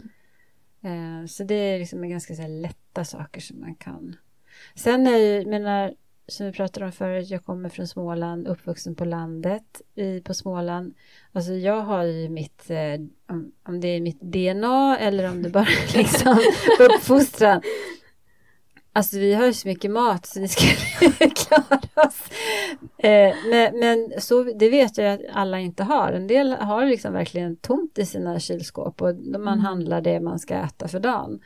Eh, och om man vet med sig om att man är en sån typ så kan man liksom ändå lite stapelvaror. Eh, lite liksom burkar, alltså konservburkar med, med ja, bönor, eh, ärtsoppa. Ja, inte att förringa. Uh, nej men och liksom snabbmakaroner och då ska man liksom tänka på att det ska vara saker som går Helst går att äta kallt om man inte kan Mm. värma upp det och om det ska värmas upp att det, är liksom, det är inga långkok vi pratar om utan eh, ja, det ska vara enkelt att värma upp. Ja, en bönor och sånt är ju bra Mm. då. Det finns ju mycket på konserver som är färdigt. Ja. Så liksom, fyll upp skafferiet lite grann med, med sånt som ändå håller sig. Ja. Det är ju ett bra knep. Ja, man inte behöver slänga det eller så ät det Ja. ifall det börjar bli dåligt. Och, Precis. ja. Mm. Kloka tips. Ja. Eh, ja, men så, så, så lite sånt håller jag ju på med då fortfarande. Ja. Eh, Men det är det väldigt, alltså ditt liv känns ändå som att du har, alltså det är ju ett intresse med överlevnad och kris och liksom med allting att du ska kunna klara dig på alla sätt och vis. Eller har jag missuppfattat? Nej men det vi har- pratat om nu är liksom, han är ju lite så, har ju den röda tråden. Sen Ja. har vi ju liksom inte alls pratat om, även om du nämnde så här att jag inte ska börja med en podd för jag håller på med musik. Så. Då har vi liksom hela det spåret att jag håller på med en hel del. Men de liksom- skulle ju bli vi pratade- underhållna också. Ja men, men vi, pratade, vi pratade lite om att jag gillar att fotografera och sådär. Så att- Ja. och det är ju det är liksom ett, ett annat intresse som just nu kanske ligger lite i dvala men som jag hela tiden tänker att jag skulle vilja återaktivera. Är det för dig själv eller för, ehm, vad säger man, vill, vill du jobba med det, fotografin eller är det för Nej. dig själv? Nej, det är bara eh, som intresse. Och, och på tal liksom om att jobba, om, jobba med, för liksom mitt friluftsintresse så där, så liksom lite så här har man väl spånat och det var inte länge sedan jag satt och snackade med en kompis och hon sa att men skulle du liksom inte liksom det här med vandring det kommer ju ändå mer och mer. Och så här, liksom, skulle du inte hitta liksom din nisch och liksom, få jobba med det här på heltid? Och det, å ena sidan så låter det ganska så här, mm, fantastiskt. Mm. Å andra sidan så är det liksom lite så här, fast vill jag, för det är liksom, som jag har varit inne på flera gånger, det här är liksom mitt andningshål. Det här Ah. icke-prestation, hitta det autentiska, skala av. Eh, och om jag skulle göra det till ett jobb så skulle det kanske vara ett jätteroligt jobb, men hur skulle det liksom påverka? Ja, så jag är inte, Mm. jag är inte helt säker på att man alltid måste jobba med det som man som man gillar att göra. Nej, nej men jag kan förstå den. Så kan det ju vara. Jag har ju varit lite, hoppat fallskärm lite innan, väldigt Mm. lite, inte mycket. Men det, det är ju också någonting som eh, flera som går över och jobbar Mm. med. Och då blir det ju ett jobb. Mm. Jag ska hoppa med andra människor. Och då eh, det kan man ju också kombinera med att man fortfarande hoppar själv. Men det är klart att gör man det, då är det jobb och då Mm. kanske det försvinner den här roliga att vi ska hoppa tillsammans och göra det här. Så det ligger nog någonting i det att man får liksom väga av det där vad Mm. som är hur man vill, hur man vill ha det. Ehm, Och när det gäller liksom hela den här kreativa sidan, då liksom, det, det är verkligen bara, det gör jag bara för min egen skull, för att jag tycker det är kul.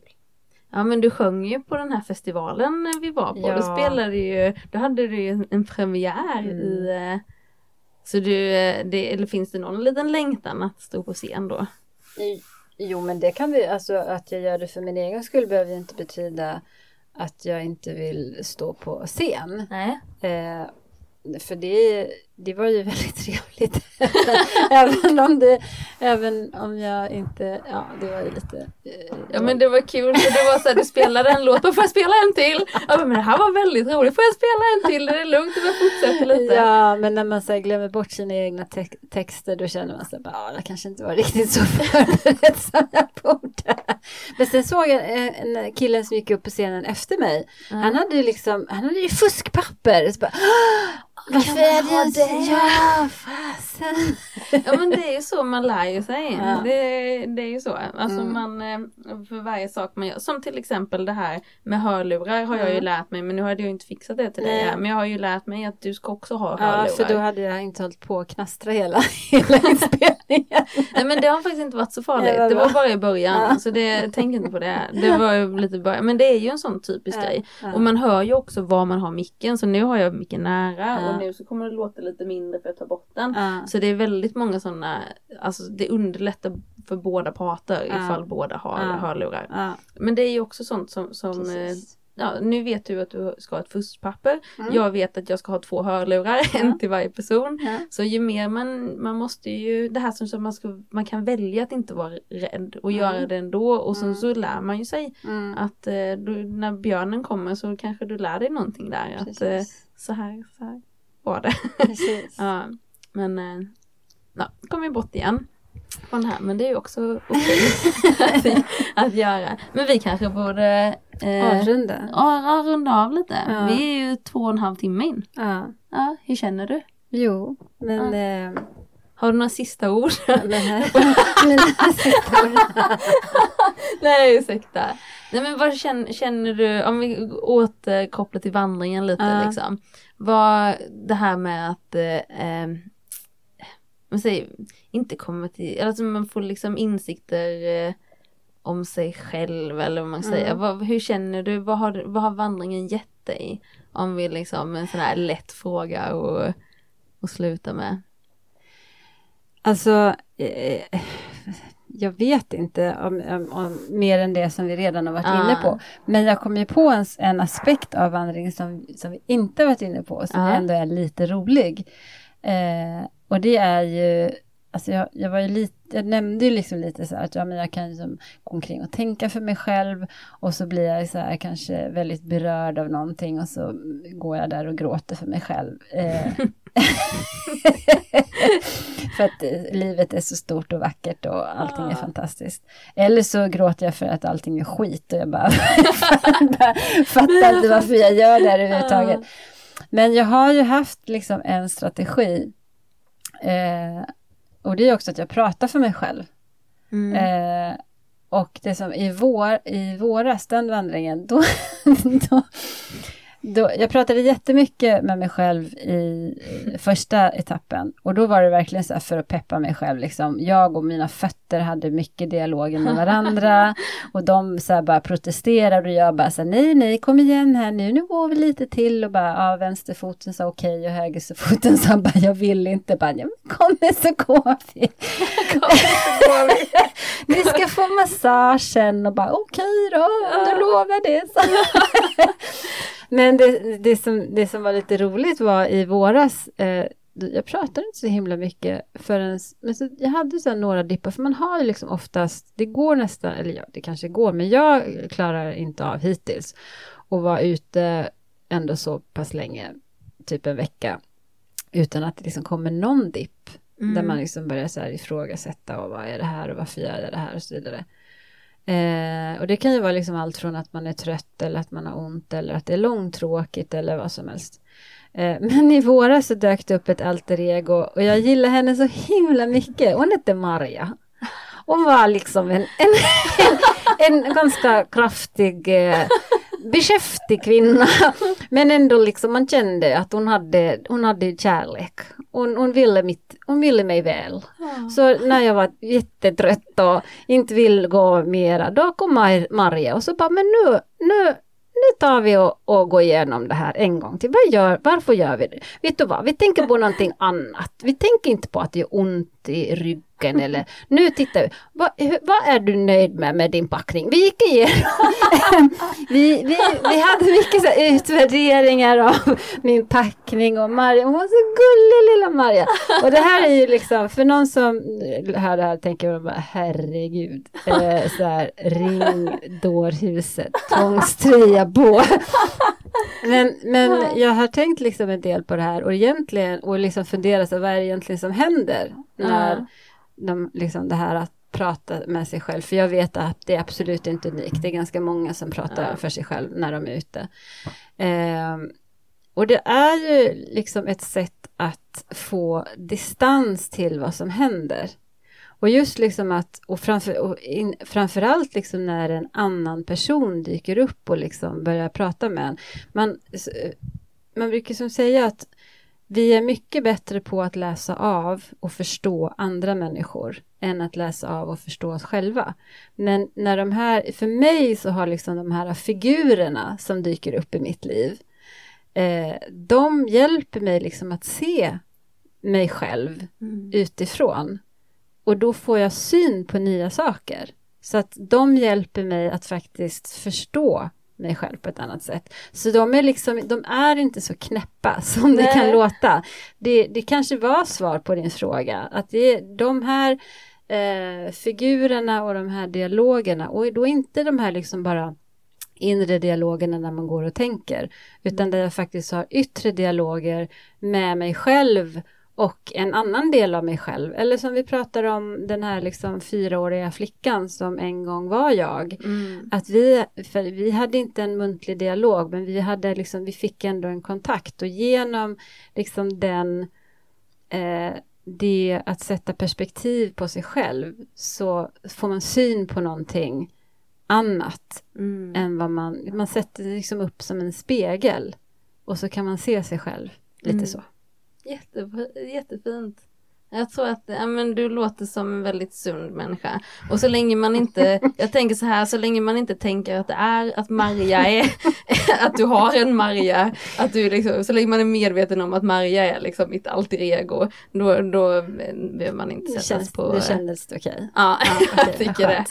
Jag har också väldigt mycket sådana dialoger för mig själv. Liksom, Ja. Särskilt när man är liksom ute i naturen och går. Liksom, då, men det, det är nog lite som du säger, att man kommer till någon slags så här, att man kan se det från ett ut, eh, utom perspektiv. Mm. Och, ja, jättefint, du avrundade det jättebra så jag ska inte förstöra det mer. men alltså tack så jättemycket för att jag fick prata med dig. Tack du, själv. du är en bra vindskyddskompis. Detsamma. Jag, är, som jag sa, jätte, jätteglad att du dunsade ner där. Det var verkligen, det, det var, adderade så mycket värde till hela vandringen. Ah, vad kul. Och man hittar dig på... eh, Sverigevandringen på Instagram. Yes. Mm. Okej, då eh, tackar vi för oss. Okej.